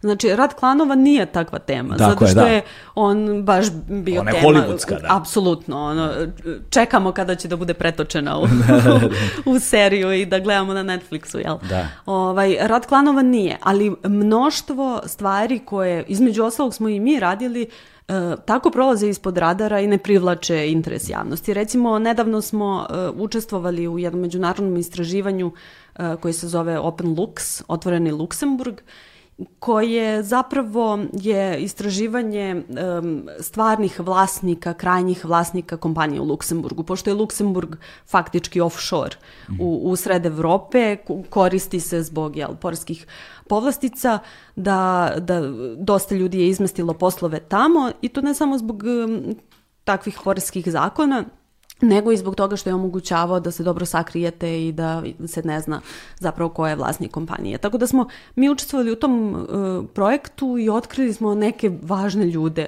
iz Srbije koji e, preko tih firmi zapravo ulaze u neke poslove. E, ajde, samo da te zaustavim jedno, na, na sekund. Uh, hajde da objasnimo ljudima koji ne znaju, recimo ja spadam u, hm. u, ta, u, ta, u takav tip o, osoba, jer ono, uh, uh, ti poslovni modeli su mi totalno ono, strani, mm -hmm. nemam naš deo mozga koji operiše tim informacijama, koji može da razume tako nešto. Uh, na koji način se ljudi tačno sakriju preko offshore-a. Kako funkcioniše ono korak po korak, primer jedan sakrivanje na offshore-u? Kako ne, neko može da ne sazna ili vlast da ne sazna ko je vlasnik pravi kompanije? Na koji način to funkcioniše? Pa to je poprilično onako stara priča i pa da. skoro da. je ekranizovano, mislim skoro, da. nedavno je Meryl Streep je u glavnoj ulozi ovaj film koji se tiče Panama Papers, onog da, da velikog da, da, da, projekta, Panamski papiri. Dakle, cela poenta je tu da vi angažujete advokata, bilo ko ko hoće da radi nešto preko offshore-a. Mislim, offshore takođe ono što je veoma važno, nije nužno sam po sebi problematičan i ne, ne podrazumeva neku nezakonitost. Znači, kod nas nekako čini mi se da ljudi či, na sam pomen offshore-a misle, aha, kriminal, aha, da, da, da. pranje para ili da, da. nešto slično. Mislim, ne mora zaista da, da bude, uh, da ima bilo kakve veze sa kriminalom. Često ljudi i velike međunarodne multikompanije. Coca-Cola je negde na offshore-u. Dakle, svi koriste offshore zbog tih poreskih olakšica jer su um, niski porezi ili gotovo, gotovo da se ne plaćaju, tako da koriste i izmeste svoje poslovanje na, da, na offshore. Tu onda, da, onda, tu onda kod offshore-a može kao, možemo da otvorimo polemiku da li je etički u odnosu absolut, na zemlju u kojoj posluješ. Absolut Da, da, da, ali da. to sad nije tema. Da, da. Često recimo to koriste političari kako bi sakrili, jel, ili pre, državni funkcioneri, kako bi se sakrili da se ne zna da su oni vlasnici nekretnina. Eto, I onda, kako sakriješ e, to? Tako što, pozovete, pozoveš advokata, U Srbiji recimo mo, može da se, postoje advokati koji, koji to rade, ti advokati su u kontaktu sa agentima, takozvanim advokatskim kancelarijama u tim offshore destinacijama. Dakle, recimo na Panami. Mm -hmm. Postoji mnoštvo, mnoštvo, ja mislim da je to jedna od ključnih stvari koje ljudi tamo rade i čime se bave, ili Britins, Britanska devičanska ostrava. Dakle, postoje te advokatske kancelarije koje osnivaju firme u zvaničnom registru te države, bilo da je Panama ili, ili neka druga država. I onda vi kažete, e, hoću da se mm, napravi kompanija, da li može da se zove ovako i ovako, e, da, ne znam, se bude podeljeno vlasništvo na 50.000 akcija. Dakle, vi postavljate uslove ono svako spram onoga što želi i e, taj, ta advokatska kancelarija ode i registruje, dakle, mhm. zvanično firmu kakvu po vašim instrukcijama i direktori kompanije, dakle, koji su vidljivi u zvaničnom registru, su ljudi koji su angažovani u toj advokatskoj kancelariji i koji su plaćeni. To su ljudi koji su direktori u hiljadama i hiljadama offshore firmi. Dakle, ljudi koji su, se bave samo time da potpisuju neke tamo papire i nemaju pojma ni, da, ni gde su, da, ni šta to su, ni šta videli, To smo videli u filmu. Ono, yes, sedi, yes, bato yes. i ne zna ni šta potpisuje, samo potpisuje. Jeste, da. jeste. To je, ovaj, tako da ti ljudi, mislim, to im je jednostavno posao. E sada, to smo također vidjeli u filmu, postoji sada više načina na koji e, vlasnik dokazuje svoje vlasništvo, ali e, recimo jedan od ključnih je onaj papir o vlasništvu, dakle mhm. koji čak recimo ne mora uopšte da bude na ime, da bude naslovljen, nego je to samo sertifikat i koji ima taj sertifikat, on je vlasnik firme. Tako da recimo ako je taj papir kod mene, onda sam ja vlasnica firme. Onog trenutka da, kada ga dam tebi, da firma postaje tvoja. Tako da recimo... Ne mora ništa se postoji, desi zvanično. Ne mora ništa zvanično. Nikakav pečat, potpis, ništa, ugovor, zato što ništa. taj papir je vlasništvo. To je jedan od načina. Ako ga neko izgubi na ulici... Onaj ko nađe ima firmu. znači, ludilo čoveč. E, ali e, postoji i dakle, dru, drugačiji sistemi gde zapravo na papiru piše ovaj, ko je beneficial owner, odnosno ovaj, ko je krajnji vlasnik i uh, u tom slučaju dakle nema, nema sada tog papira na kom nema imena nego dakle jednostavno je i onog trenutka kada ja rešim da prodam onda se menja taj sertifikat na kom je moje ime kao vlasnice se poništava, izrađuje se novi gde stoji tvoje ime tako da s tim što te informacije nisu javno dostupne. A, nisu javno nisu dostupne. javno dostupne. Dakle, ti krajnji vlasnici, znači samo su upoznati direktori tih firmi mhm. i e, često kao vlasnik recimo neke offshore firme je druga offshore firma, pa treća offshore firma. Često se, e, se i to radi kako bi se zapravo sakrilo ovaj, stvarno vlasništvo iza nekoliko offshore firmi, tek nalazi se taj krajnji vlasnik kao beneficial owner, um, recimo to sam ja, ali uh, da biste došli do mog imena je veoma teško, zato što koristim različite te jurisdikcije i različite države gde su zakoni takvi da je zaključano ovaj stvarno vlasništvo, da ne može jednostavno da se vidi uh, ko, je, ko je iza. Ranije recimo Kipar bio poprilično zatvoren, 90. godina je on bio ključna onako destinacija Svi naročito. znamo afere sa Svi znamo da su se ovaj novci tamo iznosili, ali, Koferi. ali ovaj, je on malo promenio svoju politiku pa nije postao nije više bio toliko zanimljiv mhm. i onda su ljudi promenili jednostavno nekako premestili su se na, na offshore. E sada Luksemburg i neke druge e, države su naročito zanimljive zato što ne očekujete da je to offshore jer svi kada kažemo offshore Uh, pomislimo na Panamu, na Britanska Devičanska, da. na Pomisliš na fe, fe, Fedora, kapice i havajske košuljice. Na Mauricius. Na, to, to, to, znaš. koktelčići sa kišobranima i laganica. Ono, to. I? To, to. E, ovaj, ali Luksemburg je recimo zanimljiv zato što je kao, u, u srcu je Evrope, a opet je offshore. Mislim, nije mm. de facto offshore, da, da, da. ali je ovaj, jedna od tih država koje nude E, te opcije skrivenog poslovanja. Kako se zove taj projekat u kojem ste učestvovali? Open Lux. Open Lux, ok. Da, kao otvoreni Luksemburg. Da, i, i kao otvoren pogled. Open Lux, jel te? E, ok, i? Tako da, ovaj, pa da, učestvovali smo u njemu pre toga, baš ovaj mm. film što smo pominjali, taj Panama Papers, uh, bio je i onaj Paradise Papers, dakle, panamski papiri, rajski papiri, sve su to negde um, veoma važni međunarodni projekti gde se od izvora uglavnom došlo uh, do podataka o krajnjim vlasnicima kompanija. Mm Znači, pre nego što, što, što pomenem kako je Luksemburg je malo drugačije funkcionisao, ali uh, panamski papiri i rajski papiri uh, su veoma zanimljivi zato što su izvori koji su radili u tim advokatskim kancelarijama koje uh, osnivaju te offshore firme, oni su uh, došli do podataka i dali ih e, novinarima. Tako da, e, između ostalog, tu su bile prepiske između klijenata i to je bio jedini način zapravo gde vi možete da vidite ime. Jedino da, da. mesto gde možete da vidite za koga se zapravo osniva. A gde su se te prepiske osniva. odvijale? Preko maila regularno. Aha, regularno. Regularni, mail, okay. da, da, regularni mail, tako da uh, I, je i potrudi, to... Izvini, potrudiš se toliko da sakriješ i onda pošalješ mail. Znaš, kao to je... Pa da, da. To je pod nekom što... pretpostavkom diskrecije, verovatno. Da, da, da, da, i zato što jel, ne pretpostavlja se da će uopšte... Ja sada ne znam da li je to neki interni sistem koji je bio enkriptovan ili, ili zaključan, da. ali u svakom slučaju uh, su ti podaci jednostavno, to su milioni dokumenata koji su uh, došli do novinara i mm. ono, u, u tim projektima je učestvovalo, ne znam, po sto organ, novinarskih organizacija, medijskih organizacija, uh, poznatih svetskih od Guardiana, Le Monda do, do nekih uh, malih organizacija koje su proveravale samo ljude, odnosno bavile se uh, dokumentacijom koja se tiče njihovih država. Tako da I ono što je zanimljivo, opet sad pravim malu digresiju, vraćam se na ono što si rekao, što si pominjao nekažnjivost mm. i kako su vlade padale uh, negde zbog, zbog mnogo manjih stvari. Recimo, nakon Panama Papersa, Panama Papers je izazvao baš velike onako potrese širom sveta. Ja sećam I, se toga, da. I mnogo, mnogo predstavnika i, i ministara, ne znam, od Španije do Isl u Islandu je premijer bili su veliki protesti, pa je on morao da podnese ostavku. Dakle, izazvali su velike potrese i velike promene. Šta se desilo u Srbiji? U Srbiji, pošto je Krik učestvovao u, u svim tim projektima, u rajskim papirima uh, Krik je dobio četiri, pet tužbi zato što to je ta to, to je taj apsurd to je taj apsurd u kome mi da da da.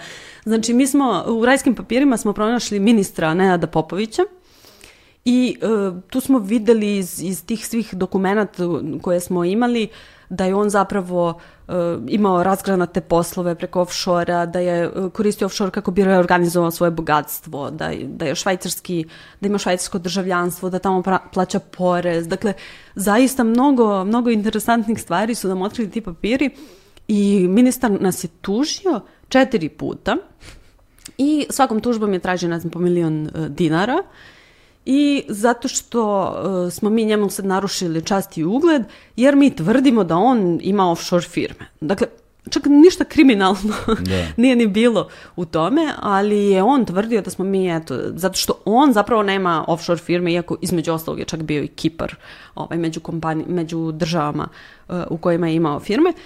I, ovaj, I onda smo mi sada tu umesto da jel, se, da naše otkriće dovede do neke promene, mm -hmm. uh, dovelo je do toga da smo mi morali da spremamo odgovore na tužbe, da idemo na sud, da trošimo i novac i vreme, da se iscrpljujemo i da se bavimo nečim dok kao gledamo da se u Evropi i u svetu da ljudi podnose ostavke. Da, da dešavaju se tektonske dešavaju promene. Dešavaju tektonske promene, a mi smo ovaj, eto, zaglavili tu na, na sudu. Tako da to je ono absurd, absurd u kome mi živimo i, i nažalost ne vidim mm. da, će ne, da će nešto da se promeni jer svaki put kada imamo veliko neko otkriće i naravno kada su u pitanju i ti međunarodni projekti, ovaj, uslede te uh, blaćenje, tužbe i, i, i slične stvari. Recimo, evo sad nedavno nas je tužio, to je, to je najnovija informacija, uh, zbog uh, isto međunarodnog projekta, onaj FinCEN Files u kom smo učestvovali, tužio nas je Mineko, to je, da kažem, konglomerat, jedna međunarodna ovaj, firma iza koje stoje naši državljani, odnosno poreklom su odavde i koji su, pojedinci su umešani u korupciju i u Rumuniji su raspisane poternice, rumunska policija ih traži, tamo su čak optuženi, mislim da postoji i presuda. I mi smo to napisali i nas su tužili zbog, zbog toga. Mislim, tako da, da je ono, situacija u Srbiji poprilično, poprilično ozbiljna i, i što ste profesionalniji, to će više da mm. pokušaju jel, da, da vas i diskredituju i da vas zaustave na, na drugi način. Mislim, te tužbe su zaista veliki problem. Na kraju... Koliko vi tužbi godišnje dobijete? E, ne dobijamo mnogo. Aha. Ne dobijamo mnogo zato što uglavnom, eto, znači imali smo to ministra Popovića, sada imamo nekoliko, ovaj, nekoliko slučajeva. Problem je u tome što zapravo ti slučajevi dugo traju. Nije, nije problem broj tužbi, ali uh, slučajevi dosta dugo traju zato što se redko zakazuju uh, suđenja. Recimo, ta suđenje sa Popovićem, on se nije pojavljivao, pa su onda ta suđenja konstantno odlagana, pa je on uh, od, iz vlade su stizale neke depeše u sud da je on na službenom putovanju, pa je sad otišao ovde, pa je sad da. otišao onde. Mislim, veoma lako je... To je ta birokratska zver koja da. se hrani konstantno i onda, da. kao u ovom filmu, kako se zove film, Baraka, je li tako, Terija Gilliam, to ima, da, koji je ono, o, ovaj, ovo floćenje birokratskog monstruma i kako možete upropasti život. Da. da, da, da. Tako da ovde, e sad, opet sve zavisi od sudije, jel, kakav je sudija, da. u, u ta četiri slučaja. Čekaj, Brazil ili Baraka, sad sam pobrkao. Brazil, Brazil, Brazil, pardon, izvini, molim te, da, da, Baraka je drugo nešto, da, Baraka su ovi, da, to je potpuno sam pobrkao, izvini, nastavi. Ovaj, e, tako da, u, u tom slučaju, recimo, gde nas je tužio Popović, mi smo tražili da se to spoji u, u jedan postupak, to se nije desilo i, dakle, imali smo četiri odvojena slučaja, četiri različite sudije i jedna uh, sudija je zaista bila uh, u fazonu, ok, kao, on mora da dođe, ako mu je narušen ugled da, i da. čast, da. mora da dođe, hoću da čujem, da vidim, mislim, ne može da non stop putuje, pa kao ako je već tužio, mislim, da. zapravo kao je imala potpuno, potpuno normalan jedan stav i e, na kraju je on, ne znam, onda zam, pokušao da zamrzne sve te slučajeve i slično, da ne ulazim sada u detalje, u svakom slučaju e, smo, smo ne, to je završeno, da. ovaj, mi smo pobedili I uh, ono što je važno jeste da koliko god tih tužbi, dakle nije ih bilo mnogo, ali uh, nijednu nismo izgubili. Da. Mislim, zbog toga što jednostavno radimo na osnovu dokaza, ne pišemo svašta, za sve imamo Pokriće. konkretan dokaz, papir i slično. Tako da, ali u svakom slučaju odlače nam mnogo i vremena i truda i ipak smo mi mala redakcija, mislim da. to, to košta dosta i nekako ovaj, Eto, baš zbog toga što godinama traju mm. ti postupci. Možda kad bi to se sve brže dešavalo, jer sa druge strane imamo i mi e, postupke u kojima smo mi tužili. Uglavnom e, to, to radi Stevan zato što e, njega razlače i blate po ovim provladinim tabloidima i onda on ovaj tuži za, za tu povredu časti i ugleda I ti slučajevi isto traju godinama. Mislim, em što sa jedne strane vam nanesu štetu tako što vas uh, okarakterišu na neki nenormalan način, da ste špijuni, da ste strani plaćenici, da ste sadomazo, da, sve. šta sve ne. Em sa druge strane zapravo ovaj, dođe do, posle toliko godina kao već ste izmrcvareni, šteta vam je već naneta zašto percepcija javnosti je takva da neko zaista posle svog tog silnog pisanja tih e, nebuloza i mhm. neistina poveruje zapravo u to i onda čekate, ne znam, četiri godine idete na sud i tužite se da bi posle četiri godine dobili neku ovaj, malu naknadu novčanu, mislim, koja nikada ne može da... Kako mi ste da rekao, taman da pokrije letovanje u Egiptu. da, da, da, da. da. Da. Tako da, ovaj, da, to je ono, to je naša stvarnost. A sa druge strane, eto, ovaj, i dalje učestvujemo u tim međunarodnim uh, istraživanjima. Da, Open Looks. Open Looks. Open Looks, da, da, da, da pređemo na Open... digresija. Da, da, nema veze, da, to mi služe ovakvi razgovori. Da pređemo mi na taj Open Looks um, i da pređemo na tu temu zapravo kako za razliku od ono rata klanova, znaš, koje je već ono, eto ga naslov, razumeš, za ono blockbuster, a, dešavaju se možda i podjednako važne stvari za ovo društvo, ali nisu seksi. Možda i važnije. Možda i važnije, Možda da. i važnije, da. da, da. Pa između ostalog, da, eto, ovaj, pomenula sam, dakle, Open Looks, krajnji vlasnici firmi, uh, otkrili smo da, između ostalog, recimo, objavili smo za sada dve priče, ako se ne varam, uh, i otkrili smo u jednoj da je uh, Vučićev kum, Nikola Petrović, uh, vlasnik firme u, u Luksemburgu i da je preko nje uh, ušao u neke poslove mm. u, u Srbiji, različite poslove, obnovljivi izvori energije, uh, neki farmaceutske, trgovina farmaceutskim proizvodima, odnosno lekovima i uh, aviokompanija. E sada, šta je, zašto je to važno? Važno je zbog toga što taj Nikola Petrović, mislim, nije sad to tamo neki kao Vučićev kum, nego je bivši državni funkcioner. On je bio direktor EMS-a, elektromreže Srbije, dugo godina je bio na toj funkciji. Mi smo već ranije pisali o njemu i otkrili smo da je nakon što je sišao sa funkcije, da je uvećao svoje bogatstvo, da su oni supruga kupili, odnosno postali vlasnici dve vile ovde u Beogradu. I da sa druge strane ono što je važno jeste da je on nakon odlaska sa državne funkcije ušao u privatne poslove i on se bavi mini hidroelektranama i dobija velike, velike ono, milione evra uh, novca iz budžeta kao podsticaj uh, za, za obnovljive izvore energije, odnosno otkupljuje se jel, uh, ta struja koju su oni proizveli. Tako da, dakle, neko ko je bio državni funkcioner, ko je veoma važan i blizak čovek u okruženju najmoćnijeg čoveka u zemlji, predsjednika države, ko ima sada poslove za koje znamo da ih ima, e, otkrili smo sada i neke nove poslove. Međutim, ono što je još važnije jeste da nam je Open Lux po, otkrio neka nova, neke nove poslovne, dakle poznanstva i poslovne saradnje. Tako da između ostalog tu je ključna figura koja se pojavljuje Stanko Subotić, mm. kontroverzni biznismen, on je poznat po tome ovaj, široj javnosti, po tom slučaju u kome mu se sudilo da je organizovao grupu koja je švercovala cigarete 90. godina.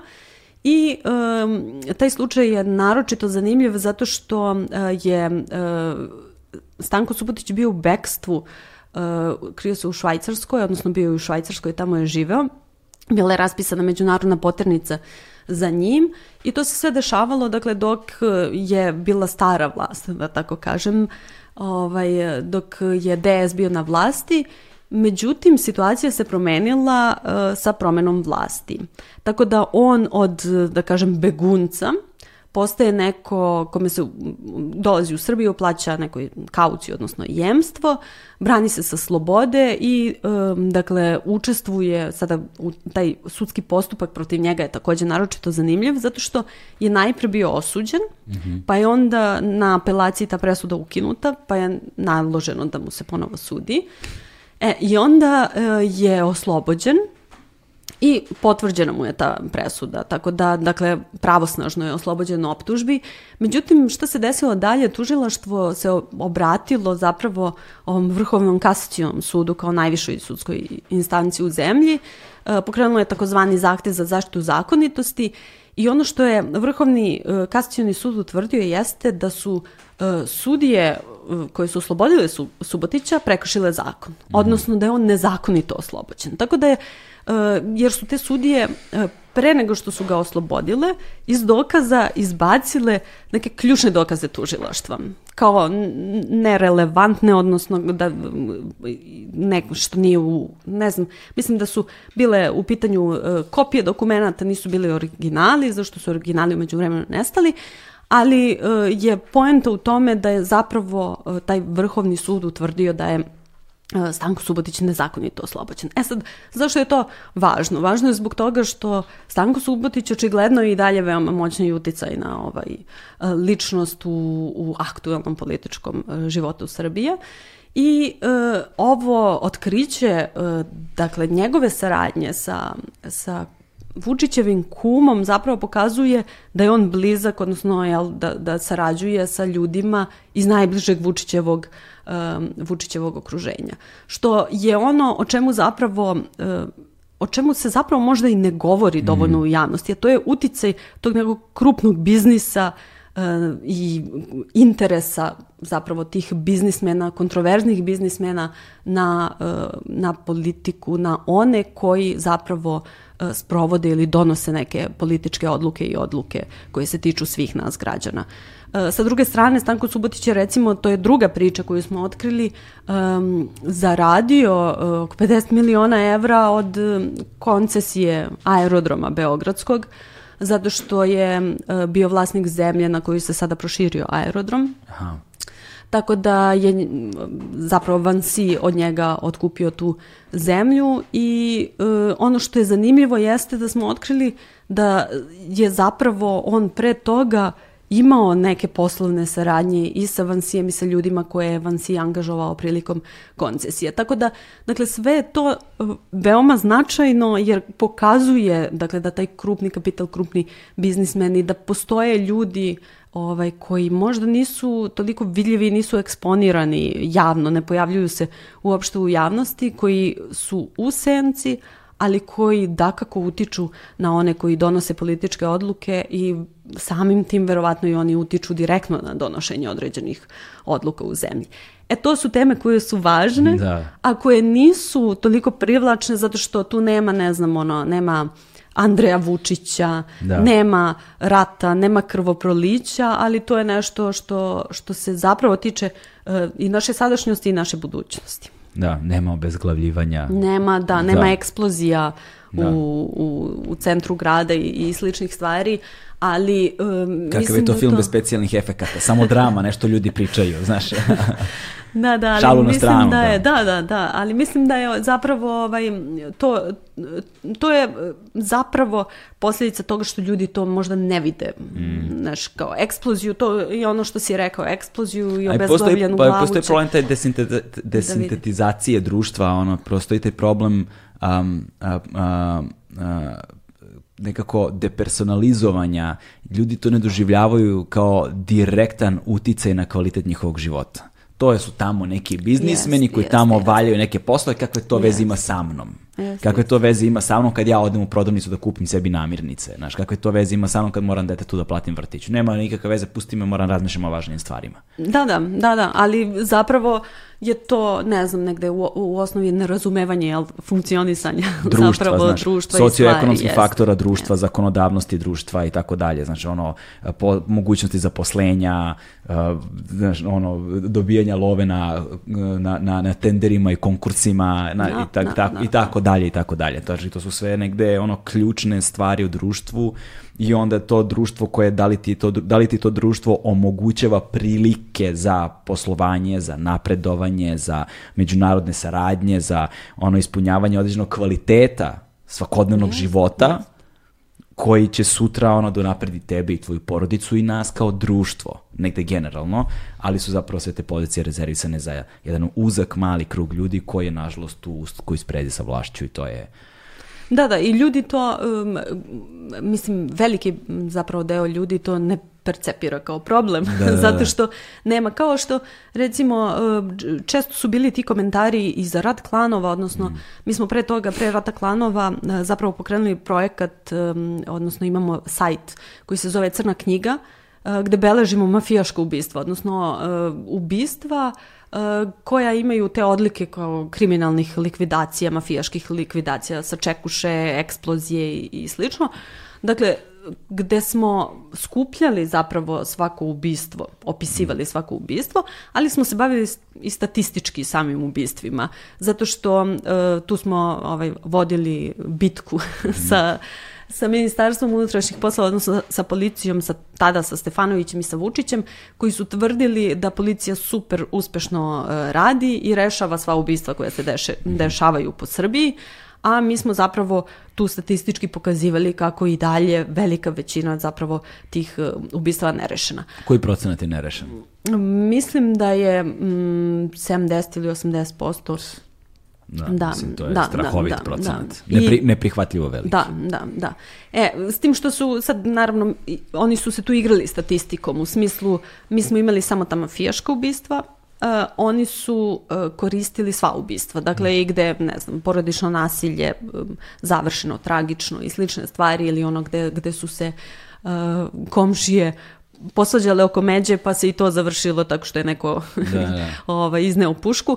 Tako da su koristili dakle svako ubistvo za tu statistiku, jer ta ubistva neka je veoma lako rešiti. I onda mm. zapravo nije uopšte kao koristili su druge ovaj druge drugačiji pristup, drugačiju metodologiju da bi pokazali da su uspešni u rešavanju ubistva. Znači, opet klasičan neki spin. Uh, ali je poenta da zapravo, pošto smo tako se bavili tim ubistvima i onda smo stalno i po društvenim mrežama ovaj, ukazivali na taj problem, e, primetila sam da je bilo tu reakcija ljudi kao pa dobro, mislim, mafijaši se ubijaju. kakve to veze da, ima da. sa mnom. Mislim, i to, to često može i da se čuje ovaj, od ljudi takav nekako Da, da, to zosta, pusti ih se poubijaju, Nek, bolje za nas. I onda će biti super, da, da, onda da, će da, biti da, kao med i mleko. Mislim, ljudi uopšte nekako ne gledaju šire, ne, percep, mm. ne, ne kontaju zapravo da je problem u društvu, dakle da je to postao problem društva celog, a sa druge strane ne shvataju zapravo da je i njihova bezbednost ugrožena, da sutra kada povedu dete u vrtić mm. može da eksplodira automobil pored koga prolaze i da se nesrećno završi ovaj, cela priča, tako da ljudi nekako su opet usko gledaju kao svoje interese, ne shvatajući da je zapravo i to sve njihov interes, odnosno u njihovom interesu je i da, da utiče svakako na, na kvalitet njihovog života. Ja sam tada pričala sa jednim dečkom koji je krenuo na fakultet, ovaj, kada sam radila tu priču, e, krenuo je na fakultet, krenuo je, odnosno iz, izašao iz stana i krenuo na uh, stanicu da sačeka autobus i eksplodirao je džip koji je bio na sva četiri, ono, mm. parkiran pored i on je prošao sa lakšim povredama, mislim, taj samo zato što je, eto, u pogrešno vreme bio na, na pogrešnom, na, na pogrešnom I na kraju, na kraju krajeva van tog ono individualnog e, van te individualne sfere i to utiče strahovito na poziciju našeg društva u međunarodnoj zajednici. Absolutno, znači ta sprega absolutno. vlasti i sa krupnim kapitalom i sa svime drugima što se dešava je uticala na to da smo mi dalje uh, prema Freedom House-u... Nedemokratska. Nedemokratska društvo. Da, znači, da, mi, mi da. nismo više demokratska država i mislim, mi to nismo već duže vreme, negde to valjda znamo. Da. Ali je to sad izvanično i to je strašno važno da se razume koliko su velike posledice tako da, takve stvari. Da. Pa zvanično nismo već nekoliko godina da. ovaj, po, po toj njihovoj oceni, ali uh, i, i veoma je zapravo važno to što međunarodna zajednica uh, ne samo Freedom House nego i, i druge međunarodne organizacije zapravo ukazuju na probleme koji postoje, na, na veliku korupciju, na to što se sudski slučajevi, što suđenja traju predugo, što se da. ne završavaju, na uh, situaciju u medijima koja ne da, da je nezadovoljavajuća nego je katastrofalna. Dakle, ukazuju, e sad uh, da, ostaje mediji... opet pitanje ovaj, da li će se nešto desiti. Da, da, da. Mediji nam nikad nisu bili nešto preterano dobri i idealni, ali ovo je sada ovo je, metastaziralo. Da. Ovo je da. sad pakao to nam je odvojena cela jedna tema, ali idemo polako, stići ćemo. dobro, dobro. Ima, imamo vremena, da. Ovaj, barem toga ovde ima.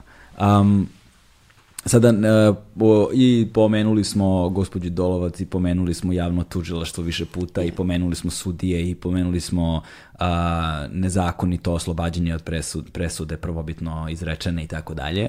Ovaj, I to nas negde vodi, sve, svi putevi nas između ostalog navode i na taj, tu sferu javnog delovanja u zakonodavstvu, jel te? Uh, ovaj, e, što nas usmerava na, na, na jedan spisak koji ste vi objavili o, isto u toku nemoj prethodne... spisak. Ne, nemoj spisak. nemoj da, spisak. Da, Znaš da su sudije ovaj, bile u fazonu e, kao, kakve to spiskove Ka, pravite? Kakve to spiskove pravite, crtate na mete i slično. to, to. Ovaj, hajde, da, hajde da kažemo nešto više o tome i zašto je to važno. Da, dakle, taj spisak da, da, da, da. je u stvari ovaj, jedan od projekata koje smo pokrenuli to prošle godine uh, i uh, on je u stvari baza uh, mm. o sudijama i sudskim predmetima. Dakle, ideja nam je bila, evo baš zbog toga što si pomenuo, pratimo najvažnija suđenja u zemlji, godinama izveštavamo sa svih tih suđenja, pratimo i slučajeve pre nego što dođe do suđenja, šta se dešava kasnije i sve. I primetili smo zapravo da, da je negde kod nas postoji taj um, narativ, odnosno neka navika koja je verovatno preostala iz još komunističkog doba, sud je oslobodio ovog. Sud je osudio ovog. Kao da to sud kao institucija radi, kao da tamo nema nekih živih ljudi koji sede i većaju i donose odluke i odlučuju da li je ovaj dokaz ok ili nije ok.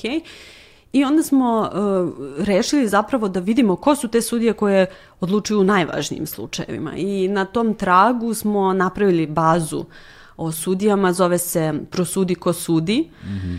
I uh, bavili smo se u početku sudijama koje sude u organizovanom kriminalu. Dakle, to je posebno odeljenje Višeg suda u Beogradu za organizovani kriminal i apelacionog suda u Beogradu, posebno odeljenje. I bavili smo se tim sudijama na više nivoa, da kažem, pratili smo njihove karijere, odnosno gledali smo koliko brzo su napredovali, da li e, je nap do napredovanja došlo nakon recimo neke važne odluke koju da, su da. doneli i slično. Dakle, pokušavali smo da dođemo do nekih ovaj, zakonitosti da vidimo zapravo šta se tu sve dešavalo. Sa druge strane, e, pratili smo i e, njihove sve postupke u kojima, sve važnije postupke ili važne za javnost ili za medije u kojima su oni učestvovali, odnosno donosili te presude. I uh, ono što je naročito zanimljivo jeste da smo pratili uh, da vidimo da li su te sudije kršile zakon. I ako -hmm. jesu kršile zakon, ok, ajde da vidimo kao šta su to radili, na koji način su to radile. Uglavnom smo prikupljali informacije ovaj, koje se tiču njihovih prekršaja. Uglavnom su to bili saobraćajni mm -hmm. prekršaji, ali neke stvari od, m, koje se tiču agencije za sprečavanje korupcije, odnosno da vidimo da li su oni prijavljivali na vreme svoju imovinu ili nisu. I naravno e, bavili smo se e, imovinom da vidimo opet e, da li su sudje imućne ili nisu, na koji način su stekli uh, to sve što Da li se naglo ukrupnala neka imovina? Da. da li se to desilo nakon neke odluke? da, da, da, da, između I takve stvari. Tako da ovaj, bilo je e, izuzetno zanimljivo i tu smo negde naišli ovaj, odmah na, na popriličan otpor i uh, videli smo recimo da sudije um, ne, da nije transparentno uh, njihova imovina, odnosno pošto Agencija za sprečavanje uh, korupcije E, objavljuje te imovinske kartone svih e, funkcionera, između ostalog i sudije podnose te imovinske kartone ovaj, o svojim prihodima i, i o svojim o svemu tome što posjeduju, o imovini. Mm. Međutim, za sudije koje se bave organizovanim kriminalom postoji posebna opcija gde oni ne moraju uopšte, dakle, da ne, to nije javno, javni mm. podatak, tako da ne može da se vidi, odnosno faktički sakriju uh, njihov, e, ono malo sudija što, što su hteli da, koji su hteli da razgovaraju sa nama, pošto smo naravno, nakon što smo završili istraživanje i prikupili sve informacije, kontaktirali uh, sve, sve njih, I ovaj, ono malo njih što su zapravo pristali da pričaju s nama, rekli su da su tu svoju imovinu zaključali, ne znam, zbog bezbednosti. Iako, mm. mislim, na sajtu ne stoji adresa naravno onoga što posjedujete, nego samo da li imate nešto i u kom gradu i slične stvari.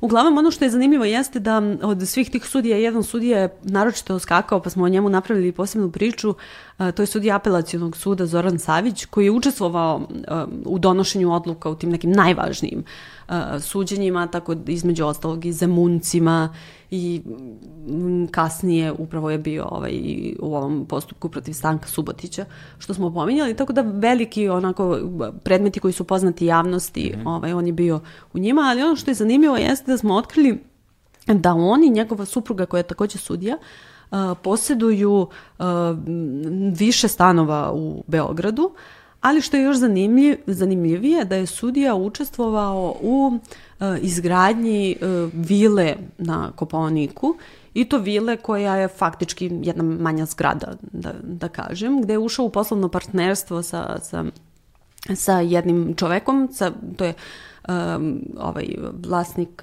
sad mi je pobegla misao kako se zove, Zoran Kocić, Uh, I uh, njih dvojica su zajedno napravili tu vilu ogromnu i uh, u pitanju je velika investicija i imovina zapravo sudije koju on, on je rasprodao na kraju te stanove, ostaje samo jedan apartman u njegovom vlasništvu, ali oni supruga dakle, posjeduju imovinu vrednu više od milion evra. Mm. Što je poprilično onako ovaj veliki iznos i ono što je zanimljivo jeste da smo uh, mi izračunali koliko su njihove plate bile i da vidimo da li oni zapravo tim svojim platama su mogli da steknu sve to što, što posjeduju. Uh, ispostavilo se, a ako se ne varam, da bi im bilo potrebno 15 godina da štede u smislu da ne troše ništa, nego da samo te plate ostavljaju mm -hmm. na stranu da bi uopšte mogli da... Cele plate. Da, da, cele plate da bi mogli da posjeduju to što posjeduju. Tako da je to bila poprilično onako zanimljiva priča jer, jer na kraju naravno sudija nije želeo da priča sa nama, jer je verovatno mislio da pravimo neke spiskove, mm -hmm. ali ovaj, je zapravo bilo zanimljiva i važna priča zbog toga što pokazuje da eto, čak i sudije poput ministara, znamo svi za tetku iz Kanade, da ne, ne mogu ili ne žele da objasne zapravo poreklo novca mm. kojim su stekli nešto što su stekli, bilo da su to u pitanju, da je u pitanju jedan stan ili bilo da je u pitanju ovaj novac za projekat izgradnje ovaj vile na Kopaoniku i to baš u centru, to je negde kod, kod Žičare, jedna ekskluzivna onako uh, lokacija, pošto su uh, Stevan i, i koleginica Dragana Peć su radili tu priču, pa su i išli tamo da, da obiđu, ovaj, da, da vide kako to sve izgleda.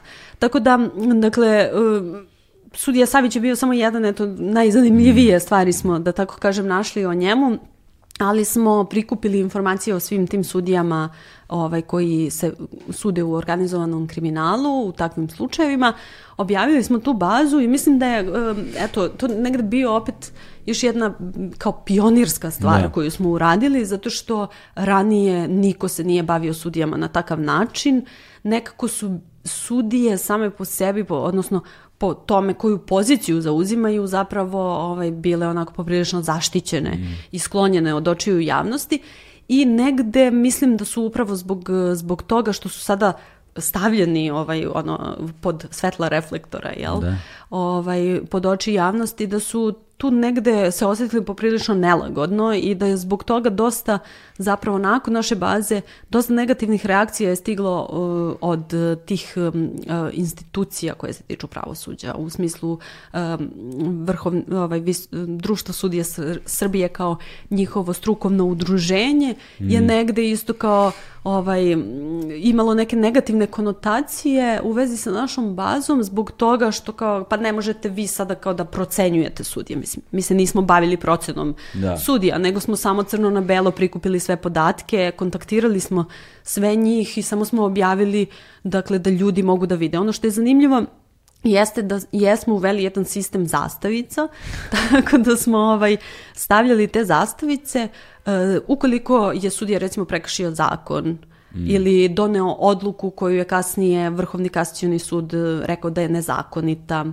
ili recimo ako imao previše prekršaja izbegavao je da da ide na sud, jer to su recimo zanimljive stvari koje otkrijete. Za sudiju. Za sudiju, da, da, da, da, veoma je zanimljivo zato što s jedne strane oni jel, kao, primenjuju zakon, da. odnosno... Oni su zapravo oni su, arbitri zakona, da. ono, negde na, na našoj zemlji. Da, a onda im je neki drugi zakon očigledno manje važan, da, da. recimo, koji se tiče saobraćaja. Ne žive, ne žive filozofiju koju pre, propovedaju to. to, to, to, a. to. Iako bi trebalo, jel, da, da, da, da. bude tako. Tako da je bilo veoma zanimljivih ove informacija u tom smislu gde se recimo um, sudija čak, čak mislim da je to i pričao, da se na kraju stavim video sa njim, ali da kao kad ga zaustavi policajac, on kaže kao, pa nisam, da, da, da, pa onda izvodim legitimaciju, kao, aha, ja sam sudija, kao, kome će da veruje kao sudija ili neće da potpiše za, zapisnik da, kad da. ga zaustavi ovaj, sa, saobraćeni policajac zato što, ne znam, tvrdi da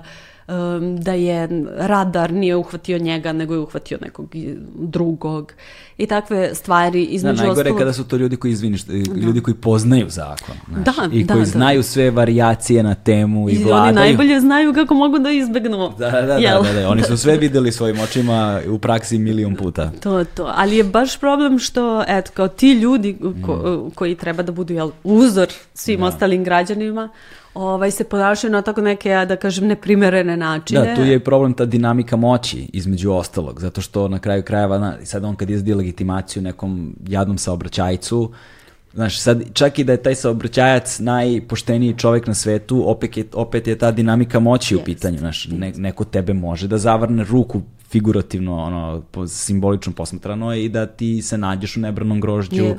da ti nastane paka od života zbog jednog, ne znam, ono, nevezanog pojasa, lupetom. Da, da, da, da, jeste, jeste. Što nije slučaj ako zaustavi tebe i mene, znaš, to je skroz sasvim, sasvim drugačija priča, znaš. Da, da. Ne znam ali... sa Stevanom, on je javna ličnost. zato, zato ne vozi i, da, da. i vezuje se to, to, to, to, u taksiju. Iz, između ostalog, između ostalog. Ovaj, ali, da, tako da bilo je baš onako zanimljivih eh, tih situacija do kojih smo došli ovaj, u dokumentima gde su tako zapravo taj odnos sudija prema mm. jel zakonu prema drugim ljudima koji opet kao jel primenjuju ovaj taj zakon ili ili su u njegovoj službi tako da izbegavanje recimo odlaska na suđenje na prekršajnom sudu zbog saobraćenih prekršaja i mm. takve stvari. Prosto ne možete da, da verujete da kao da sudije rade te stvari. Tako da je naročito bilo ovaj, to zanimljivo. Ovaj, ovom pomenula si malo pre eh, Draganu Pećo, ovaj, u kontekstu odlaska sa Stevanom na Koponik. Um, I ovu priliku bih iskoristio da je pozdravimo, ovaj, jer i prošli put i nju takođe pominjao Stevan i ona izgleda izvuče uvek najdeblji kraj među vama tu u kriku, ovaj, a najmanje je prisutna u javnosti, barem na očigledan način poput Stevana, pošto prošli put kada je on bio, a njoj je navedio kao primjer da je pretresan, da, da su ju upadali u stan, mm -hmm. da je ceo stan prevrnut i da su je ostavili ovako novčanik sa svim novcem ovako na, na, na vrhu gomile koji su isprevrtali, isprevrtali. Uh, ona je takođe, jel za Open Looks, je tako, ona dobila tužbu? Je, uh, za raniju priču, mislim da... Za raniju priču? Za raniju priču koju smo objavili prošle godine, da, Stanko Subotić je tako. tužio u, u Švajcarskoj, pošto je on ovaj, državljanin tamo, tako da... Koliko je tražio? E, mislim da je 100.000 franaka. 100.000 švajcarskih franaka, švajcarskih tako da, franaka, da, tako da, da, Dragana Pećo je ono... Uz tebe smo. Treba da nosimo njene majice ovako sa, natpis, sa, njenim, sa, ne, sa njenim natpisom, ono kao že sui, znaš, da, že sui da, Dragana da, Pećo, tako da eto, pozdrav, pozdrav, pozdrav veliki za nju. Da, da, I, eto još jedna stvar, ovaj, Draganu Pećo je nedavno pomenuo i sam predsjednik Vučić, kada je rekao da on ima neko, da veruje, duboko veruje, ima neki osjećaj da su zapravo e, ljudi iz službe znali šta se desilo sa, sa tim njenim obijanjem stana, jer je, dakle, is, ispreturan je stan, obijen, ništa nije ukradeno, to se desilo još 2016. ako mm. se ne varam.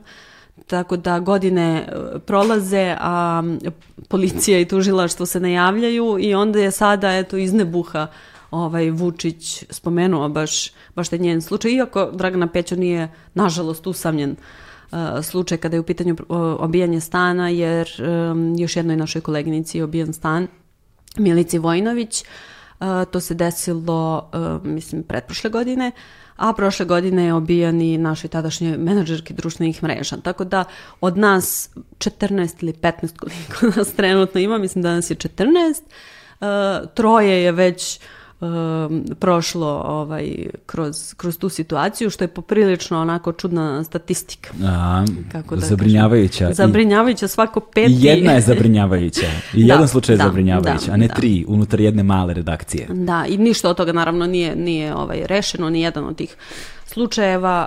Uh, mi naravno ovaj, eto, raspitujemo se s vremena na vreme, gledamo, jedno vreme smo čak i izveštavali o tome nadajući se da, mm. Da ćemo tako ovaj, izazvati neku reakciju, odnosno da će neko početi time da se bavi, ali nažalost ovaj, ništa se ne dešava, što nam naravno samo ovaj, potvrđuje te naše sumnje da u pitanju nisu nikakva obijanja, niti uh, ovaj, pljačke, nego da je klasično zastrašivanje. Da. Tako da, jer mislim, ako se da. ništa ne dešava, nemoguće je da, da zapravo ovaj, da troje ljudi iz krika mm. prođe mm. kroz, kroz takvu situaciju, a da ni u jednom od tih slučajeva nema nekog epiloga. Tako Tim da. pre, da se vratim na ono što sam rekao na samom početku, ono, svaka vam čast na svemu što radite i sigurno da to nije i bez lične žrtve i bez ličnih odricanja i bez ono prevazilaženja individualnih sumnji i strahova i znaš, on ipak je negde bez obzira na na poštenost i profesionalnost posla koji obavljate, naš sigurno nije jednostavno, baš svaki dan nije isti i sigurno je negde i privatni odnosi, poznanstva i prijateljstva i ko zna šta sve trpi zbog stvari koje vi radite i na kraju dana to je ono što ja stalno ponavljam, istraživačko novinarstvo, novinarstvo uopšte je više poziv nego sama profesija koja se ono zanatski obavlja. Iako ima da. veliki zanatski deo. Da, da, ima, ima. Da. Pa da, mislim, svakako da utiče, da utiče na, na celokupan život, mislim, mm. cela ta situacija. E sad ono što, što Stevan kaže, ovaj, uh, E, radit ćemo ovo što radimo dok nas stres ne pojede. Ovaj, to je da, taj da, da, da. njegov, njegov izjava i zaista jeste tako, jer mi sve vreme i ne razmišljamo o tome mm. koliko smo ugroženi, na koji način sve, sve to utiče, ovaj, malo pre si ti pominjao te psihosomatske mm. uticaje, ovaj, nego jednostavno radimo svoj posao. Ne, ne posmatramo nas kao neke, sami sebe kao heroje da. ili kao neko ko je izuzetno hrabar, nego jednostavno radimo posao pazi, profesionalno onako kako treba da... Ne, živ čovjek se na sve navikne, znaš, ali pazi, ja sam odlepio što sam gledao stručni štab svaki dan, razumeš, a ne da mi još i gajbu pretresaju, jesi normalna čoveče, znači tako da Pusti drugima da procenjuju naš veličinu posla koji vi radite, a vi samo radite svoje i da znate da ne prolazi nezapaženo. Pa, hvala, hvala. Da. Mislim, o... zaista, evo, ovo je možda dobra prilika da, da pomenem da zaista imamo veliku pod, podršku ovaj, čitalaca i građana i da uh, ljudi koji nas prate i podržavaju zapravo znaju ovaj, šta se sve dešava i mislim da je ta podrška zapravo jedna od uh, jedna od ključnih stvari koja nam da koja nam tu utiče, mislim, da, da nastavimo da radimo onako kako smo radili. Da. Jer kao, e, s jedne strane, znate, to je, to je stalno, kao postoji to pitanje, pa dobro, kao, što uopšte radite to što radite kada nema nikakvog epiloga, kao. Da. Ljudi često postavljaju to pitanje u smislu, kao, da li vas to demotiviše? Mislim, naravno da nas ne demotiviše. Zašto bi nas demotivisalo? Mislim, ok, da, sada jeste situacija takva da nema epiloga, da nemamo tužilaštvo, da nemamo nikog ovaj, da reaguje, ali sa druge strane, mislim, ta situacija će s jedne strane da se promeni, a sa druge strane e, mi to radimo zbog javnosti, zbog građana da. i zbog toga smo zbog toga smo tu, mislim to, to, to je naš posao i, da. i naša misija da tako kažem. Tu, tu je da... ono gde je ovo zapravo poziv, a ne posao s jedne strane, znaš, tako da vi biste to radili bez obzira na okolnosti, da. jer vam je takva životna dužnost. A s druge strane, uh, baš zato što nema nikakvih epiloga, tim pre je ovakav posao neophodan, zato što neće se epilozi naprasno desiti eto sami od sebe, pali s neba, pa onda da počnemo da radimo taj posao. I ne, mogu, ne može ni doći do epiloga ukoliko neko ne otkrije nepravilnost, ne znam, ili koruptivne veze ili šta već. Mislim, kako onda da očekujemo da će da se desi, ako ne napravimo prvi korak, da. kako da se desi sledeći. Mislim da će knjige iz istorije govoriti drugačiju priču, ono kako vreme bude odmicalo. Mada i učbenici iz istorije su nam katastrofalni, pa bože moj, ne želim da se i tu pletemo u neko vrzino kolo. Da, da, bolje ne. Idemo dalje. Ovaj, a, najveća priča, verovatno, ono, u poslednjih godinu dana, slučaj uh, Belivuk. Znači, odakle početi sa njome? Pa, ne znam, to je teško pitanje, odakle početi. Početi, eto, negde, ja sam i pomenula da je to zapravo uh, nastavak cele priče o ratu klanova i, i o tom narkosu, jer to je tema koju smo se dotakli, naravno, ovaj, u, u toj priči. E sada, šta je, šta je šta se desilo, to još do, do kraja nije jasno. Dakle, situacija je takva da Evo, mi godinama smo pisali o, o Belivuku, o njegovoj ekipi e, i u februaru je on uhapšen. E sada ono što je prethodilo tom hapšenju, ajde da, da tako počnem, jeste, dakle, mi smo negde uh, tom ekipom počeli da se bavimo još 2016. godine. Dakle, 2016. i široj javnosti, da, da kažem, gotovo svi ljudi u Srbiji su ovaj, čuli za Belivuka. Tada se desilo ono s početka godine prebijanje um, obezbeđenja, člana obezbeđenja um, direktora Partizana Miloša Vazure, E, i postojao je taj snimak ovaj, to, tog prebijanja koji je bio viralan i koji je objavljan čak i, i u medijima i uh, u tom događaju učestvovao upravo Veljko Belivuk. Uh, osim njega tu je bio i Aleksandar Stanković koji je tada vodio E, grupu, zvali su se Janjičari i bili su ovaj, navijačka, kako, kako mi to kažemo, navijačko-kriminalna grupa e, Janjičari. Dakle, negde tu 2016. da kažem da je taj, e, upravo zbog tog događaja, e, da su i Janjičari i Stanković i Belivuk postali malo više poznati široj javnosti i nakon toga, međutim nekoliko meseci kasnije, e, je ubijen Stanković u oktobru 2016 E sada, mi smo, to je bio neki trenutak kada smo mi počeli ozbiljnije da se bavimo ovaj, tim ljudima. E, sa jedne strane, da, mi smo i ranije pratili ovaj, navijače i prvenstveno zbog toga ne kao navijače kao navijače, nego njihove te kriminalne poslove i kriminalne veze, dakle te um, kriminalne grupe koje su ovaj, navodno navijačke. Ej, međutim, 2016. nakon tog Stankovićevog ubistva postalo nam je jasno da to nisu ono, neki samo obični navijači ili obični kriminalci ili kako već da ih nazovemo, nego da je to mnogo ozbiljnija e, stvar u pitanju. Dakle, šta se tu desilo? E, Stanković je ubijen e, u centru Beograda, je izrešetan je zapravo u blizini centralnog zatvora i bilo je to samo jedno u nizu, da kažem, tih obračuna ovaj, kriminalnih i ubistava koje su se dešavala u to vreme u, u Beogradu, u Srbiji pa i u Crnoj Gori, zato što je u toku već bio taj rat klanova, rat u podzemlju. Međutim, ono što je zanimljivo jeste da odmah nakon e, Stankovićevog ubistva um, mislim da mm, je održana je konferencija za novinare uh, na kojoj je proglašen rat mafiji. Tu su učestvovali uh, Vučić i, i Stefanović koji je tada bio ministar policije, čak su hitno nešto vrat, neko je doputovao, mislim da je Stefanović bio nešto u Nišu, pa je došao zbog te konferencije, prekinuo je ovaj taj put i objavljen je rat mafiji. To nam je već bio signal da, da nešto tu uh, ima čudno, da se nešto dešava. Zašto bi sada, po čemu je ovo ubistvo bilo drugačije, specifično, da u tom trenutku dolazi do, mm. do, do objave tog rata, da se to nije desilo recimo dve nedelje ranije kada je bilo ovaj neko drugo ubistvo. Tako da smo ovaj počeli da, da kopamo, da vidimo zapravo, da skupljamo informacije, da skupljamo dokumenta, da vidimo ko su uopšte ti, ti ljudi, ko je taj Stanković i, i, i Belivuk koji je bio njegov najbliži saradnik. I e, tada, je, tada smo zapravo objavili tu priču da otkrili smo zapravo da je Stanković e, bio osuđen zbog e, šverca droge, ali da e, nikada nije otišao u zatvor. Da je čak sud 12 puta odložio odlazak u zatvor, dakle presuda je bila pravosnažna i izvršna, trebalo je samo da ode na odsluženje e, kazne, ali e, zbog različitih stvari, različitih, da kažem, e, os, po različitim osnovima, on je odlazi u zatvor. Bilo da je bolešljiv, pa je, ne znam, imao tih zdravstvenih problema, pa je um, on nešto zbog posla nije mogao da ide i slične stvari.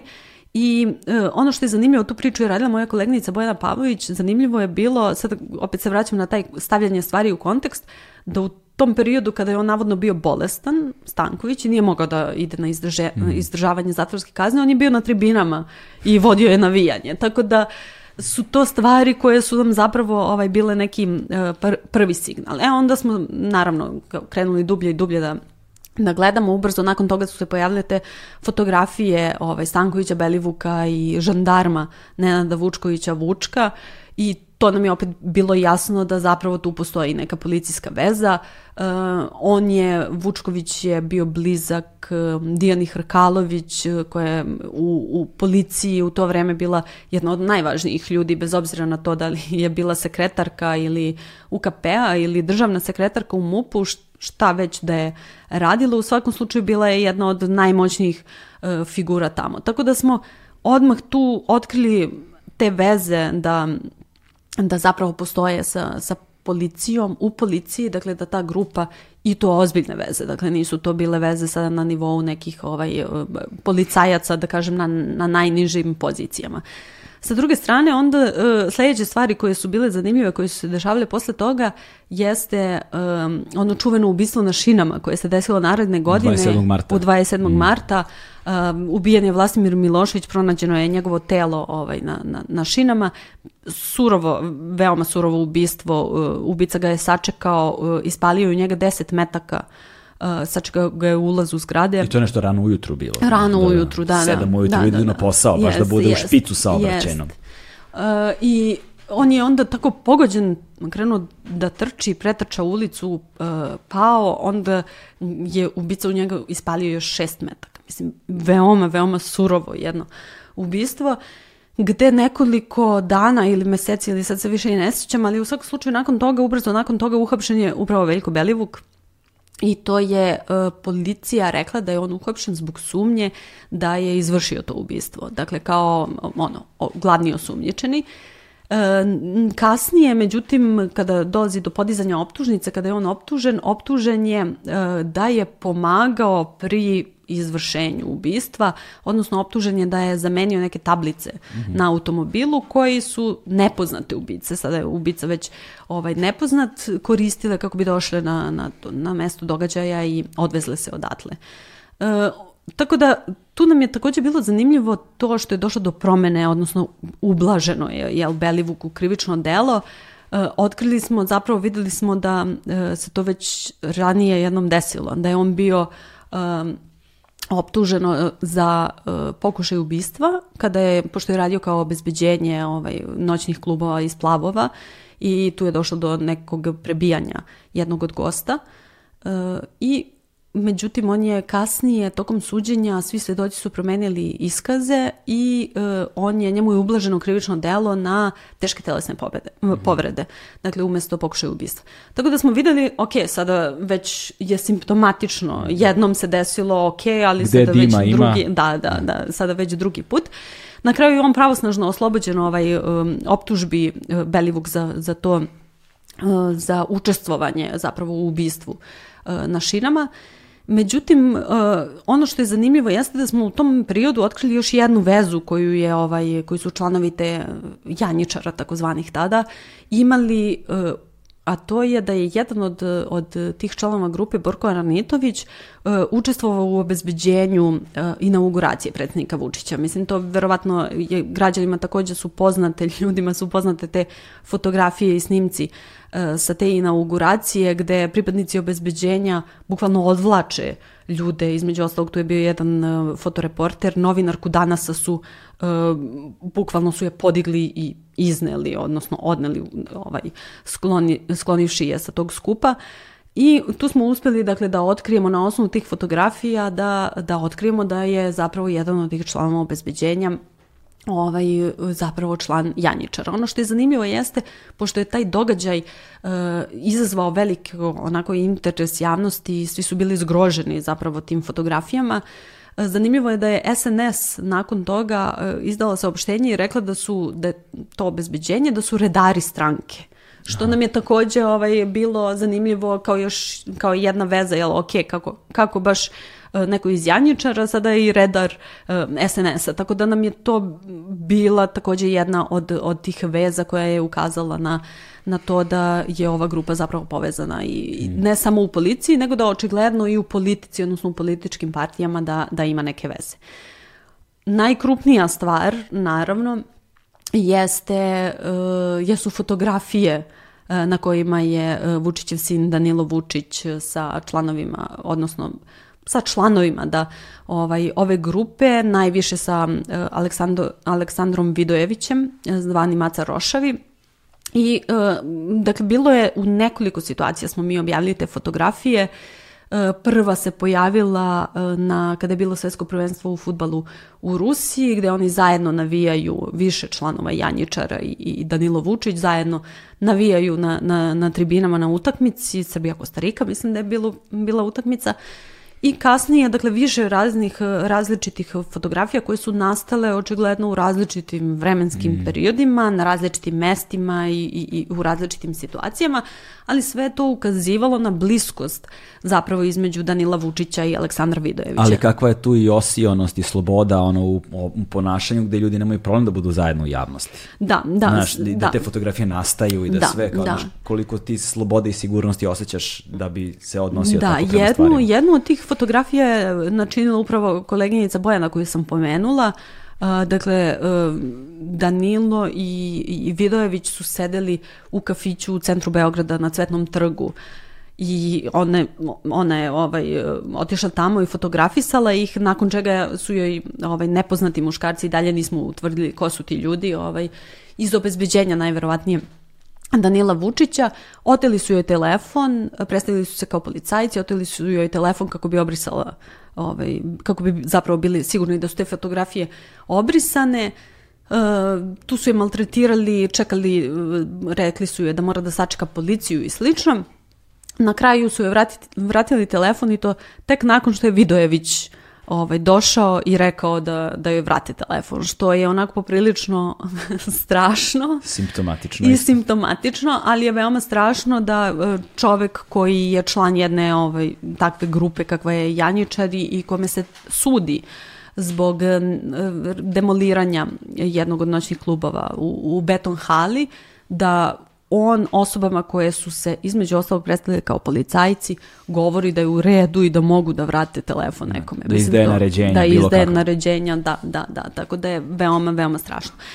Međutim, da se vratim na ovu priču, dakle, to je sada, i te fotografije su ukazivale na, na, na, na tu uh, bliskost, jel, to je jedna od tih veza uh, koju smo otkrili, dakle, koje je imala ova grupa. E sad, ono što je zanimljivo jeste da, pošto sam pomenula to ubistvo na šinama i rekla sam da je Belivuk tu oslobođen pravosnažno, zanimljivo je bilo da je on na suđenju se desilo zapravo više onako zanimljivih stvari. Jedna od tih stvari je da je on na suđenju rekao da je on nezaposlen, a imao je tim od pet advokata što je poprilično, rekao je da ponekad po nekim ono, povremenim poslovima zaradi po 30.000 dinara mesečno, a tim od pet advokata uh, verovatno verujem da košta mnogo više od mhm. toga. I jedan od tih advokata je bio iz advokatske kancelarije uh, generalnog sekretara vlade Srbije Novak Nedić, odnosno njegovog oca. Njegov otac vodi tu uh, advokatsku kancelariju, tako da i to je bilo poprilično onako simptomatično otkud sada baš advokat iz te advokatske kancelarije. Uh, Međutim, e, te naše sumnje da, da i tu postoji veza ovaj, dok, dokazane su i na drugi način. E, naime, e, Vojni sindikat Srbije je podneo jednu krivičnu prijavu protiv tamo nekih ovaj ljudi iz, iz vojske zato što su uh, omogućili da uh, u vanradno vreme uh, Stanković, Belivuk i Novak Nedić i Vučković pomenuti koriste strelište u Pančevu vojno, koje je u, u vlasništvu Vojske Srbije, da koriste municiju i oružje, da vežbaju tamo gađanjem. Dakle, mimo svih propisa e, plaćanja, dakle, ljudi su išli tamo u vanradno, dakle, nakon uh, radnog civili. vremena. Pritom civili. civili pritom da, civili, da, da ne ulazim u da, to. Da, ono, to da, tek... da. Tako da su, dakle, vojni sindikat je protiv nekih starešina u vojsci ovaj, podneo tu krivičnu prijavu tražeći da se utvrdi njihova odgovornost kako je moguće da ljudi koji su civili da dođu tamo u, u neko doba bilo i da koriste doba. bilo koje doba i da koriste resurse vojske da vežbaju gađanje. I to ni 5 i 6 nego bojevu municiju. Da. Tako da, e sad, šta je tu još zanimljivo? Zanimljivo je što je taj postupak, dakle, došao u tužilaštvo, ta krivična prijava, koje je sada ispitivalo jel, ovaj, i gledalo šta može da dokaže ili da ne, ne dokaže. I nakon nekog vremena tužilaštvo obustavi tu istragu, odnosno odbaci krivičnu prijavu. Mi smo pratili naravno taj slučaj i onda smo htjeli da vidimo, ok, šta se tu desilo? Um, istraga je obustavljena zato što uh, su pojedini dokazi misteriozno nestali. U najkraćem rečeno. Dakle, tog dana kada je, kada je vojni sindikat je tvrdio, imali su tačne dane, uh, su naveli u svojoj krivičnoj prijavi kada su ovi dolazili tamo da vežbaju gađanje. E baš tog dana, e, ne znam, e, kamere ove e, sigurnosne nisu radile, tako da ne postoje snimci uopšte. Kao na filmu. Da. Kao da, na da, filmu. Da, da. To je, to, to je sve... To je, pazi, izvini, to je, to je sad već postano filmski kliše, ono, to kad upotrebiš, znači loš film. Znaš, da, da, da, da, kao ja, on neće valjda neće ovo. opet, da, da, da, da, da. e, ali druga stvar je takođe isto, ovaj, eto, još jedan filmski kliše, Osim kamera, tu je, um, pošto postoji neka knjiga, um, upisnik ko sve dolazi, pa se tu mm. beleži jel, kao, ko je kada bio, boravio, u koje vreme koristio to strelište. Stranice su istrgnute za te datume. Tako da, da, da, znači, kao to je znači, ono, loša režija. Znači, lo, lo, loš scenario, loša režija, loša gluma, sve loše jebot. E, u svakom slučaju, taj postupak ja. se tako, ovaj, to, to se tako završilo, ali samim tim, jel, kao, uh, to je još više onako ovaj, ukazalo na, mm. na, na to da tu nešto postoji, jel, kao gde ima dima, tu ima i vatre. Tako da, e, dakle, s obzirom da je vojni sindikat imao tačno određene vreme i datume i sve. Ako je nešto oni... vojska je barem precizno u stvarima, ono... Nadamo se. Nadamo se, da. Tako da, ovaj, eto, to nam je bio još jedan, još jedan od tih dokaza da zapravo tu postoje, očigledno su veze i sa uh, jel, osobom koja je veoma važna, to je državni sek generalni sekretar vlade koji je i dalje sekretar E, vlade Novak Nedić, a bio je to i u ono vreme kada je Vučić bio premijer. Tako da možemo reći da je u, pitanju jedan od njegovih bliskih saradnika. Jel? Bože, stvar je mnogo strašnija nego što sam se pretpostavljao. Znači, kome tero da te zovem?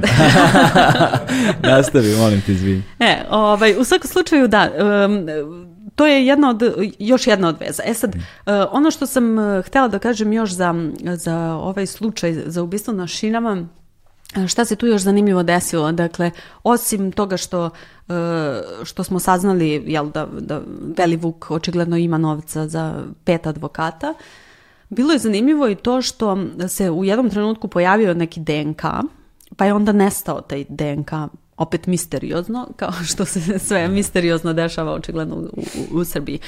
Naime, um, jedan DNK prvo je, uh, dakle Belivukov DNK se pominje u krivičnoj prijavi, kasnije se više ne pominje. Uh, rečeno je na suđenju da je došlo do greške zapravo tokom prikupljanja tog DNK i postoje još jedan DNK za koji nije utvrđeno čiji je, ali uh, nije na kraju mogao da se koristi zato što navodno, kako je rečeno ovaj, tokom suđenja, navodno je policajac e, koji je prikupljao tu dokaze i bio na uviđaju kontaminirao taj DNK.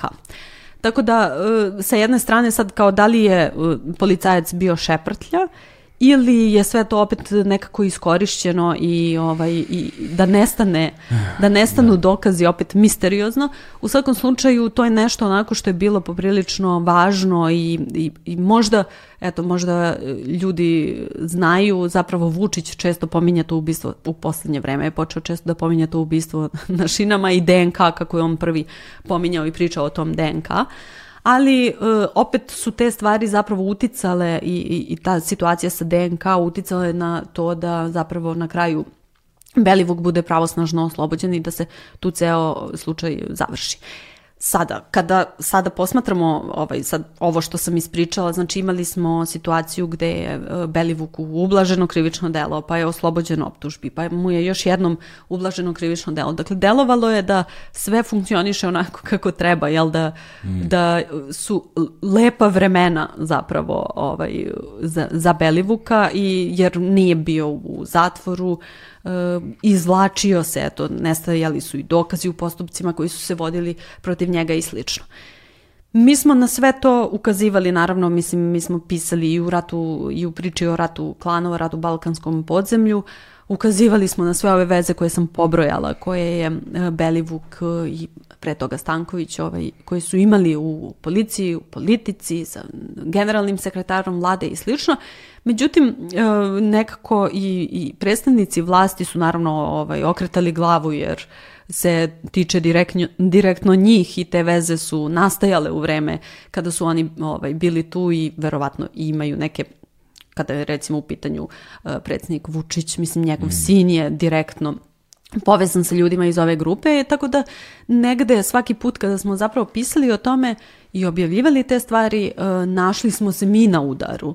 Recimo posljednji put to što sam pomenula kada smo objavili Rat klanova i tu smo imali jednu novu fotografiju do tada neobjavljenu Danila Vučića i Vidojevića E, nakon toga je usledila salva e, pretnji i ne pretnji, zapravo bilo je i pretnji, ali uvreda od strane e, poslanika i drugih predstavnika vlasti, ja mislim da su se svi oglasili u tom periodu. Su i da izređali su, svi do jednog, da. Su se svi izređali da su rekli eto kako KRIK kriminalizuje dete, Mislim da, da, da rešimo ono... Vrlo dobro, da, da, da, da, da, Oni su napomenula zapravo... bih samo misteriju da razrešimo da Danilo Vučić nije dete, mislim ima više od 20 godina, tako da nije da. reč o detetu od 2-3 godine ili o maloletnom, maloletnoj osobi, tako da to je važno da napomenem. Ali taj narativ je bio takav da smo mi doveli išlo je do toga da smo mi direktno ugrozili njegov život i doveli u pitanje njegov život, život detetov život. Uh, Ovaj, I da, eto, ne znam, da mi to radimo samo zbog toga da bismo naudili mm. uh, Vučiću ili, ili nekome drugome i da ne znamo, hoćemo da srušimo vlast. Mislim, to je negde krajnji, ovaj, krajnja tema, tog krajnji cilj, tog narativa koji, koji postoji. Tako da svaki put kad bismo govorili zapravo o tim vezama, oni su koristili uh, kada smo mi objavljivali te stvari, te naše te dokaze do kojih smo došli, predstavnici vlasti su spinovali celu stvar mm. i ono vraćali nazad, imali su, dakle taj narativ je bio dominantan da smo mi da je suština uh, toga što radimo da kriminalizujemo Danila Vučića pa na kraju i Vučića. Ono što je takođe važno jeste da Vučić nikada nije objasnio odnose uh, E, njegovog sina sa, sa članovima ove grupe. Dakle, e, kada je objavljena fotografija u Rusiji, on je rekao da je njegov sin otišao tamo da, da vrati jel, svetsko prvenstvo, pa da su slučajno naišli neki momci, pa su nosili majice, pa su dali njemu majicu, pa kao ajde da se, da se fotografišemo. Mislim, tada je u, kada je bila ta prva fotografija, e, ponudio je to objašnjenje, ajde tako da kažem. Uh, svaki naredni put više nije čak ni, ni mm. davao nikakva obrazloženja niti objašnjenja, nego je samo to koristio da zapravo samo je spinovao i, i napadao nas ili one ljude koji, koji su ovaj koji su prenosili uh, nas i, i, i pričali uopšte o tim fotografijama. Tako da je to takođe važno, dakle mi dan danas zapravo ne znamo uopšte da. ovaj, kakva je ta priroda veze i ono što sam rekla, očigledno je da jednom slučajno mogu da se fotografišu, ali e, ne može toliko puta da se, da se ponovi ta slučajnost. Dakle, nije reč o slučajnosti, sve to ukazuje da, da su oni bliski, e, da su da se očigledno druže tada kada je Bojana ih fotografisala u kafiću ovaj tada su gledali zajedno utakmicu u, u kafiću tako da dakle očigledno je da da mm. tu postoje neke ozbiljnije veze nismo nikada dobili nikakav odgovor ovaj, na, na prvom mestu od Vučića, pa ni od bilo koga drugog. I um, jedna stvar koja je tu vrlo zanimljiva i koja negde povezuje motive u suštini koji su, koliko razumem, neotkriveni još uvek, um, kako je uhapšen uopšte Belivuk s jedne strane, a u druga stvar kod u Jovanjici, uh, kako je uopšte ono, uh, kako je uopšte pala Jovanjica. Dakle, znaš, na koji način se desila Jovanjica, na koji način se desio Belivuk, znaš, kao negde motivi, ne samo motivi, ajde, motivi su možda malo spekulativno, ali kao ne razumemo kako se to desilo. Pa, za Belivuka, mislim, jasno je kao samo hapšenje, da. ali je nejasno to povod, odnosno da, motiv, kao što, što kažeš. Posebno dakle, ukoliko, su, ukoliko govorimo o ljudima gde vidimo istoriju zaštite vrlo da. jasne i odjednom je više nema. Da, Kao da su da. neki ljudi pušteni niz vodu. Da, i to je, to, mislim, to je jasno kada se pogleda sada uh, poslednjih godinu dana, recimo. Mislim, mm. najbolji reper su izjave predstavnika vlasti i e, naravno e, provladini mediji, ovi tabloidi, šta oni pišu, jer oni pišu ono što, što predstavnici vlasti ovaj, što misle i što, što žele da što da, žele da, što, da, oni, što oni žele da bude napisano. Da, da. Tako da kada se to prati i analizira, jasno je da je negde sredinom prošle godine došlo do, mm -hmm. do nekog tu problema u saradnji između uh, te Belivukove grupe. Dakle, nakon ubistva Stankovića, Belivuk je preuzeo tu grupu i promenio je naziv, dakle više nisu bili janjičari nego principi i očigledno da u tom negde sredinom prošle godine, sudeći po tom narativu koji je išao kroz uh, provladine medije, da je tu došlo do, do raskola i da kreće sada puštanje niz vodu, odnosno sve vreme se negde naslučivalo ono što će se desiti uh, početkom ove godine u februaru, odnosno da će Belivuk biti uhapšen, jer samo nismo bili sigurni, zapravo ja nisam bila sigurna da li će se desiti, da li su sve te objave u, u medijima zapravo upozorenje bile Belivuku i ostalima da se primire da. ili da se drže dogovora ili, ili šta već terena. postoji ili priprema terena. To je zapravo ono što, što još uvek nije jasno. Činjenica je da je i sam Vučić izlazio nekoliko puta javno govorio o nekim kasnije ćemo videti da to sve ima veze sa Belivukom o, o obezglavljenim telima, o ubistvima, o maltretiranju, o otmicama, o tome da je nestalo mnogo ljudi. Dakle, kasnije se sve, sve to zapravo dovodi u vezu sa Belivukom, ali u to vreme kada je Vučić javno govorio o tome, to je recimo jesen prošle godine i dalje nije bilo jasno da li sada to je neka poruka koju on šalje ovaj, tim kriminalnim grupama da se malo onako primire ili je zapravo jasan signal da e, su pušteni niz vodu i da će doći do, do, do njihovog rasturanja, hapšenja i, i na kraju, što se na kraju zapravo i desilo. Um, interesantno je, dakle, u tom kontekstu pominjanje i Dijane Hrkalović, koju sam i ja nekoliko puta pomenula, ali koja je za sada samo pominjana kroz te provladine medije u smislu delovalo je, dakle ona više nije ovaj, u, u policiji, e, povukla se e, potpuno, ali e, je negde kroz te provladine medije su puštene informacije kao da je ona sada delovalo je da će ona biti žrtveno jagnje, da tako kažem, da će ona biti žrtvovana kao osoba koja je ključna veza između Uh, Belivukove grupe i ključna veza u policiji. Međutim, to se nije desilo, zato što uh, uprkos tim nekim najavama koje su bile po medijima, nije se desilo, Dijana Hrkalović čak nije ni saslušana koliko prema posljednjim ovim informacijama koje ja imam, nije ni saslušana u okviru istrage ovaj, Belivukove grupe. Uh, ono što je urađeno jeste, ona je privedena valjda na, na razgovor, odnosno pozvana u svojstvu građanke, na razgovor... Na takozvani informativni razgovor. Da, da, na informativni razgovor uh, u vezi sa uh, ovim uh, prisluškivanjem uh, predsjednika. To je -hmm. odvojen slučaj koji se vodi, pa u tom kontekstu je ona ovaj, dala izjavu i bila je pozvana da, da ide na poligraf, jel, na, na, sad ključna, čuveni, čuveni, čuveni poligraf. ključna stvar koja, najjači dokaz svih dokaza Krunski u dokaz Srbiji. tabloidnih medija. da, da. da. Ovaj, ali u svakom slučaju, dakle, to se nije desilo i to je ono što, što uh, svakako negde uh, možda i govori o tome da uh, obračun vlasti, države protiv sa kriminalom zapravo i nije uh, stvaran, nije realan, nije, uh, nije država rešena da, mm. da se obračuna sa kriminalom, jer da jeste, barem bi ovaj, saz, sazvala, pozvala zapravo te uh, ljude za koje sasvim sigurno da postoje veze između njih i, i Belivukove grupe, pa videla šta, šta tu može da se uradi. Ono što jeste zanimljivo, takođe i što opet pokazuje da, da, da vlast nije rešena da, da se obračuna sa ovim, ovim slučajem, da reši ovaj slučaj jeste i to što istraga pokriva period od 2019. pa nadalje. Ova grupa je nastala 2013. godine. Dakle, ne. tada ju je vodio Stanković, tada su preuzeli tribinu, e, partizanovu tribinu, došli su i postali, se, postali su najjača e, navijačka grupa, preuzeli su navijanje na stadionu.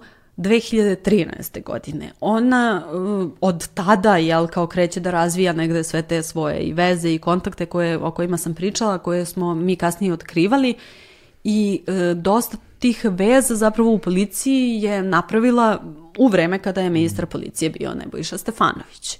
Nebojša Stefanović se takođe nešto se malo pominjao kroz medije ovaj, kao neko ko uh, um, bi trebalo da ima neke veze, da bude saslušan ili bilo šta. Međutim, naravno, on, ako istraga pokriva period od 2019. mislim, um, u vreme kada je grupa zasnivala te veze, kada je Stefanović vodio policiju, dakle, time se istraga tužilaštvo i policija sada neće baviti.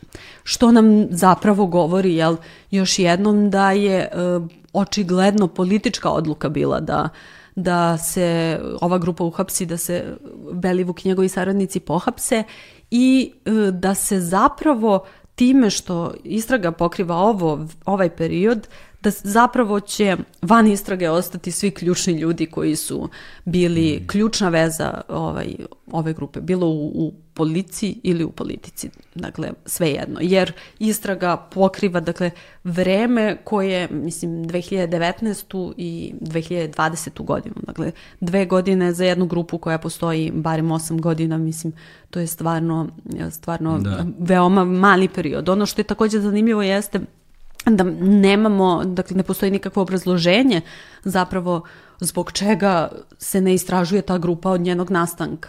Mm.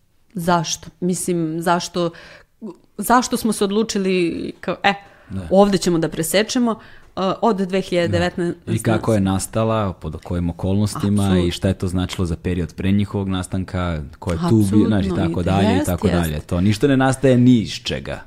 Apsolutno, apsolutno. Naročito što za Janjičare, opet, to je poznata stvar, ovaj, da je to grupa koja nije, nisu je činili navijači Partizana, nego su to navijači drugih klubova, uglavnom Crvene zvezde, koji su odjednom promenili jel, klub, što da. je takođe što je ono... nezamislivo da, da su u pitanju da, da. pravi navijači, mislim, to je za njih nezamislivo. Smrtni greh u svetu navijanja, da, da, da, Tako da su to ljudi koji očigledno nemaju nikakve veze sa, sa navijačima, niti sa navijanjem i da su se oni odjednom pojavili e, na, na tribini Partizana, dakle promenili su klub, došli su tamo i e, postali da. su dominantna navijačka grupa, sve ostale su ovaj, u to vreme zanimljivo bile rasturene zato što uglavnom ih je policija, ovaj, njihove vođe i ključne ljude, uh, postojale su neke istrage, bile su poternice raspisane, dakle oni su bukvalno bili rastureni mm. od nji, konkurencija, da kažem konkurentne grupe, tako da su ovi dovedeni i to su sve stvari koje zapravo treba da, da znamo i treba da se otkriju u ovoj istrazi, jer ako hoćemo da se bavimo, da, da ako je tužilaštvo rešeno, jel, da, da pokrene istragu protiv neke navijačke grupe, onda treba da, da znamo sve. Da. To, upravo od nastanka, da vidimo kako se razvijala, šta je sve radila, koji su sve to ovaj, kriminalna dela koja se dovode u vezu sa, sa njima, a ne da o, odjednom se donese odluka da ćemo da mm. posmatramo samo dve godine, pa ćemo da vidimo ovaj, šta možemo tu da uradimo i šta ne možemo. Mislim.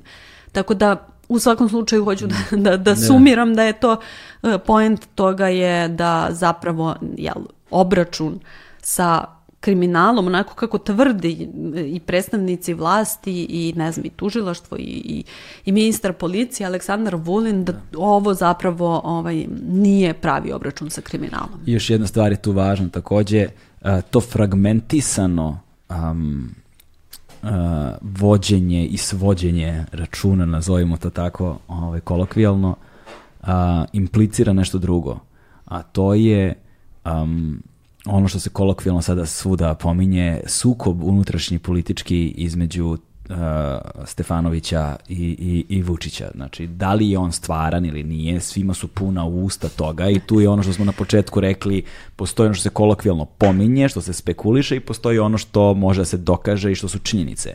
Ne želimo se bavimo spekulacijama, ali je strašno problematičan taj negativni prostor koji ostaje kada se iscrta cela slika, cela fotografija. Kada, ist, kada napravimo celu fotografiju uh, onoga što se dešava i što znamo, oni prazan prostor nepoznatog se ocrtava na vrlo specifičan način i uzajamno su povezani, odnosno postoje asocijativne veze koje je veoma teško prenebregnuti. One naravno otvaraju prostor za spekulativnost, kojom se mi, da. opet ponavljam, nećemo baviti, ali, ali izaziva jedno osjećanje zabrinutosti društvene opšte, jer ukoliko ovo zaista nije ta vrsta obračuna i ukoliko svi ti simptomi koje vidimo vode tamo gde se plašimo da vode, šta to znači za budućnost nas i naše zemlje? Šta to znači za, budući, za budućnost politike, za budućnost zakonodavstva, za budućnost policije, za budućnost vojske, za budućnost ono, sigurnosti i stabilnog života nas i naših građana, je li tako? Da. I, ovaj, i, i, i, i sve vreme provejava ono ta, provejava, ne provejava direktno, ono, i eksplicitno ta slika normatizacije tako velikog nasilja u društvu koje je nenormalno, prosto je znaš, da čovjek ne poveruje gde živimo. Znaš, znači, filmski scenario, ono, iako u velikim momentima kliše, ovaj, je prosto neverovatan. To nas vodi negde ovaj, u zaključnu temu uh, našeg razgovora koja nam pokriva otprilike nažalost samo otprilike poslednjih godinu dana vašeg rada, samo god, svega godinu dana, ali dobro, to je uzano povezano sa, ipak je to kontinuirani rad koji postoji već dugo godina i nadam se još mnogo godina ovaj, Bože zdravlja, je, je, je taj mehanizam o kojem je Dučinović govorio prošli put kao jedan od ključnih mehanizama kada se međunarodna mreža istraživačkih novinara nađe, pa kao koji su to mehanizmi koje vlast provodi u Americi da diskredituje novinare, koje je, ne znam, u Argentini, tamo, Meksiku, koje provode, koje u Rusiji, koje vam ovde, mi smo vodeći, nažalost, po kontroli medija, tabloidnom mm. novinarstvu i ono što se naziva, što Amerikanci nazivaju character assassination, dakle, prvo te izblate i provuku te kroz talog društveni i kroz blato najgore u javnosti, da bi te diskreditovali i samim time umanjili tvoju društveni uticaj. A, a to je nešto što vlast kontinuirano radi svim članovima redakcije Krika, mm. na čelu sa Dojčinovićem, koga apsolutno ono, nedvosmisleno i uh, blate nesrazmerno mnogo u odnosu naravno na sve ostale. Ali uh, ovo što se dešava, dešava u posljednje vreme i jedan od ključnih razloga zašto sam te zapravo zvao jeste što su sada počeli ozbiljno da vam crtaju mete. Dakle, ovo sad više nije samo blaćenje, mm. nije samo diskreditovanje, nego su mehanizmi upregnuti do krajnjih granica. Tako je, tako je, da. E, pa negde, evo kad to se desilo sada u martu, dakle, e, iz, izvrnuta ona naša realnost o kojoj, mm. koju smo pominjali, e, je oličena u tome da sada mi, kao neko ko je godinama pisao, istraživao Belivukovu grupu i otkrivao razne veze i, i slične stvari, smo postali targetirani, odnosno označeni od strane um, vlasti i narodnih poslanika i provladinih medija kao saradnici. uh, Veljka Belivuka i, i kao zapravo neko kriminalno udruženje koje je pod kontrolom uh, Veljka Belivuka. Tako da, dakle, našli smo se u jednoj potpuno absurdnoj, sa jedne strane potpuno absurdnoj situaciji da, ono, da nije da, da ne poveruješ da ljudi mogu da jednu novinarsku redakciju jel, predstave kao, uh, kao kriminalno udruženje, a sa druge strane u jednoj potpuno bezbednostno opasnoj situaciji. Zato što za razliku od, kao što si pomenuo, eto, konstantno smo ovaj, pod nekim napadima i blaćenjima i sličnim stvarima. Ja sam baš uh, nedavno gledala taj istorijat uh, napada na krik medijskih i, i ovih drugih, zapravo mi od kada smo osnovani 2015. godine, sva, svake godine postoji neka medijska kampanja koja se vodi protiv nas. Uglavnom one nastupaju nakon naših otkrića u kojima uh, otkrivamo to, neke kriminalne veze, koruptivne veze uh, istaknutih predstavnika vlasti. Ako pišemo o nečemu što je recimo samo nek, neki kriminal koji nema direktne veze sa, sa vlašću, onda nas tu preskoče, ali mm. sačekaju nas na, na, na sledećoj priči. Tako da, dakle, konstantno smo pod tim nekim ovaj, napadima i negde smo navikli ono da, da živimo i da radimo u takvim uslovima i tužbama i sad različite su jel, te vrste napada. Međutim, ova situacija sada koja se desila je poprilično ovaj, drugačija u odnosu na sve to baš sa tog aspekta bezbednosti. Jer um, Belivukova grupa je, kao što što smo ovaj, pomenuli, dakle pominjali smo taj rat klanova, Belivukova grupa je zapravo ogranak kavačkog klana u Srbiji. Kavački klan je u ratu sa Škaljarskim, 50 osoba je ubijeno oko 50 osoba je stradalo tokom, tog, tokom tih obračuna, tokom tog rata. I sada u jednoj takvoj situaciji gde su ubijani ne samo članovi kriminalnih grupa, nego i osobe za koje uh, se veruje da su saradnici, ubijani su advokati, ubijani su članovi porodica. Dakle, poprilično telohranitelji. Kriminalci su malo onako pregazili taj neki svoj uh, kod pa su počeli da, da ubijaju ovaj, bilo koga ko se dovodi u vezu sa, sa nekom kriminalnom grupom. U takvim okolnostima m, provladini mediji i vlast nas stavlja na stranu jednu od tih zapravo zaraćenih strana. Znači, ubacuje nas u vatru koja, u kojoj je bezbednost svih ljudi koji na bilo koji način se dovode u vezu jel, sa, sa nekom kriminalnom grupom ugrožena. Dakle, direktno time što kažu da smo mi pod kontrolom, kako su rekli, rekli su da smo pod kontrolom Belivuka, da radimo pod kontrolom Belivuka.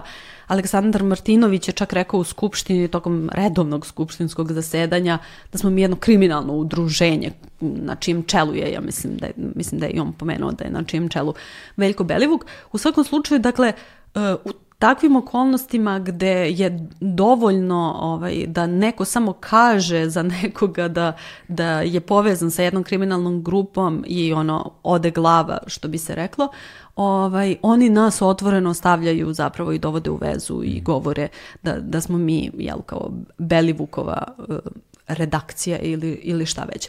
Tako da nikada ranije zapravo uh, sa tog bezbednostnog aspekta nismo bili ovaj, u takvoj situaciji, nikada nismo bili toliko, da kažem, ugroženi i stavljeni u jednu veoma nezgodnu, veoma, veoma nezgodnu poziciju, zato što uh, jedno je kada vas blate pa kažu da ste ono, uh, francuski špijun i da radite za ciju.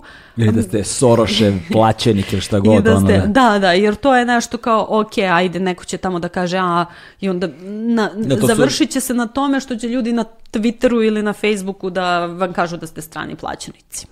A, ka, a u ovim situacijama kao bukvalno neko može da dođe i da pokuca na, na vrata i da vas ubije, da, mislim, da, da. ili da kada sednete u auto da razmišljate šta se desilo, jer um, rat kakav postoji, mislim, između ove dve kriminalne grupe, otišao je toliko daleko da zapravo nema tu sada uh, sad da će jedna kriminalna grupa da se bavi istraživanjem da li je neko saradnik mm. ove druge grupe pa će kao da proveravaju mislim to, to se neće desiti tako da je sa, sa te strane ja ne znam da li zapravo uh, mislim moje ključno pitanje u, u celoj ovoj priči je da li zapravo su oni svesni šta, šta su uradili mm. u smislu e, time što su nas na taj način targetirali. Znači, otvoreno su nam stavili, nacrtali mete na čelu i ovaj, da li su to radili sa tom namerom ili su možda samo ono se preigrali, uslovno da. rečeno. Ili su toliko ono bahati neodgovorni da... Da i ne razmišljaju, ne razmišljaju o tome. Da, da, da, da.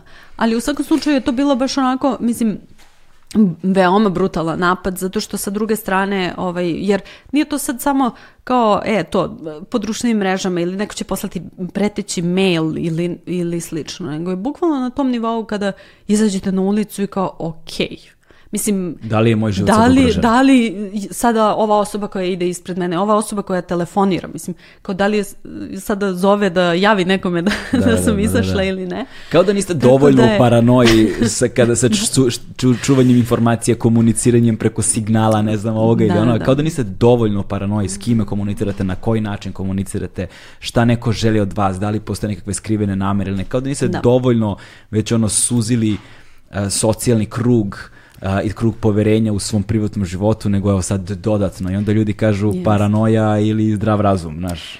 Da, da, da. Briše se Mislim, polako granica. Ali važno je, važno je ovaj, ne, ne preći tu granicu, da, važno da. je ovaj, e, ne postati paranoičan jer paranoja ništa, ništa dobro nije donela. Tako da, uglavnom, ovaj, eto, vodimo računa o bezbednosti koliko je to u našoj moći ali sa druge strane ovaj, nekako i trudimo se da možda i ne razmišljamo mm previše o tome da ne, da ne bismo otišli upravo u, u tu parano, paranoju potpunu koja bi nas poslovno, a i svakako drugačije paralisala. Da. E, jer bismo se onda samo bavili tim i razmišljali o tome e, koliko nam je vremena još ostalo, a ne, Strašno, a ne da. nekim drugim stvarima. Tako da e, zaista vodimo računa koliko možemo, Nadamo se eto da, da, da ćemo proći, proći svi bezbedno i da će se situacija malo smiriti.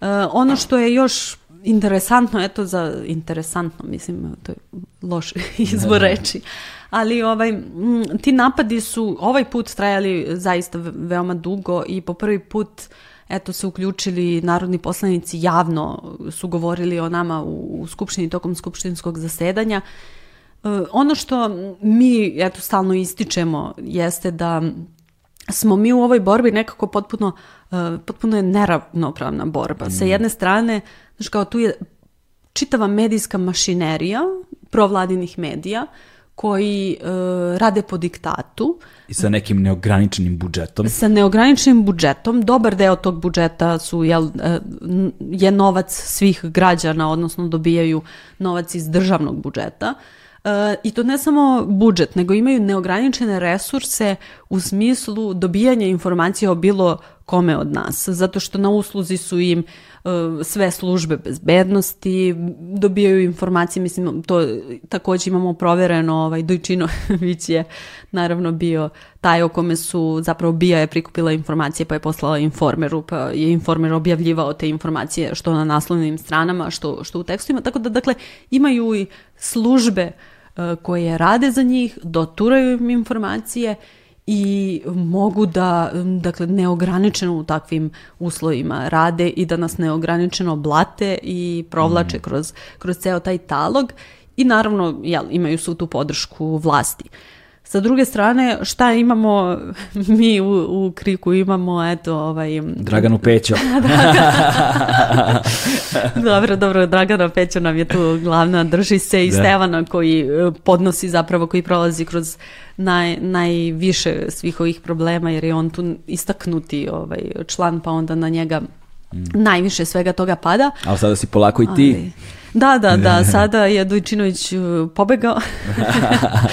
Šalim se. Ovaj.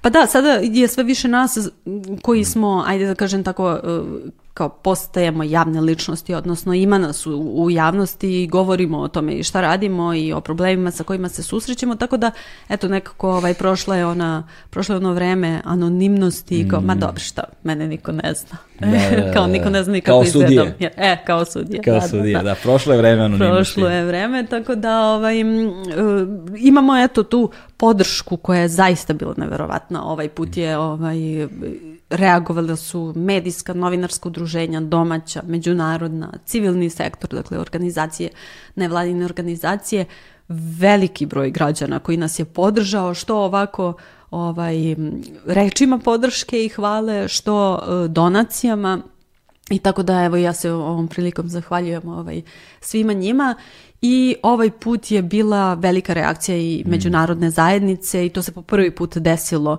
da, da evo tokom svih ovih napada koje godinama unazad trpimo predstavnici brojnih ambasada, tela Evropske unije su reagovali i međunarodnih rekli, novinarskih međunar... mreža. Jeste, da. jeste. Međunarodnih i novinarskih mreža i organizacija. Naravno, svi su tu, mi sarađujemo sa tim ljudima, ovaj, sa tim novinarima širom sveta godinama na svim tim projektima i to, ali eto ovaj put je i ta politička neka tela, predstavnici političkih tela Evropske unije, predstavnici jel, ambasada ovde u, u Srbiji su reagovali, pružili su nam podršku, onako javno ovaj, su usledile te reakcije nakon nekoliko dana napada i nakon zapravo onoga što se dešavalo u Skupštini I, ovaj, I to mislim da je to sve što, sve što mi imamo. Imamo naš profesionalizam, našu nezavisnost, uh, da naša istraživanja sva koja stoje iza nas nijedno nikada nije bilo dovedeno u sumnju niti je palo mm. i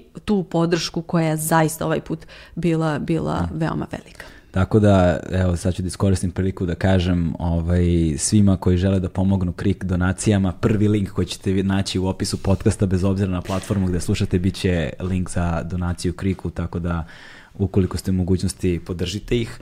A... I samo ako mogu da dodam, kad smo da. već kod donacija, poklanjamo majice, hiljadu i po dinara ili više, šaljemo majice, e, krik majice, tako da eto, ta podrška se širi da. i na drugi o, način. Ovaj, svakako podržite ukoliko ste u mogućnosti, e, zaista mislim da je važno.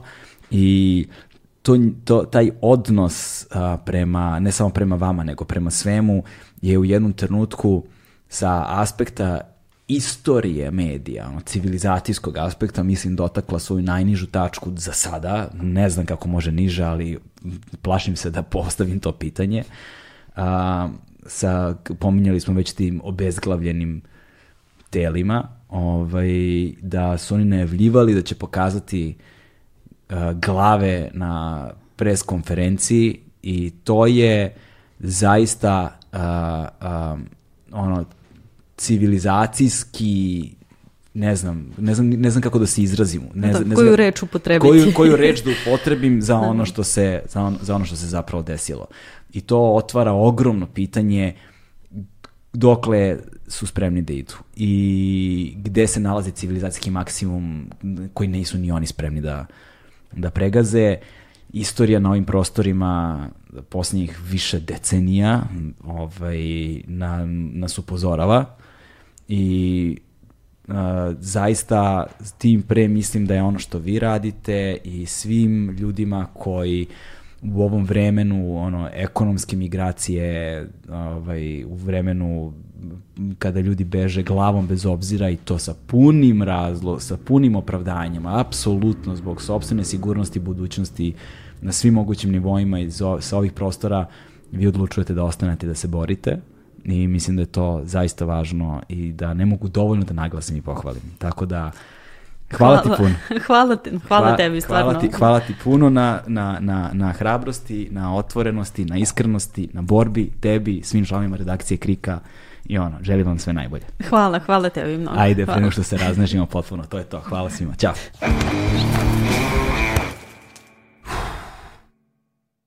Hmm.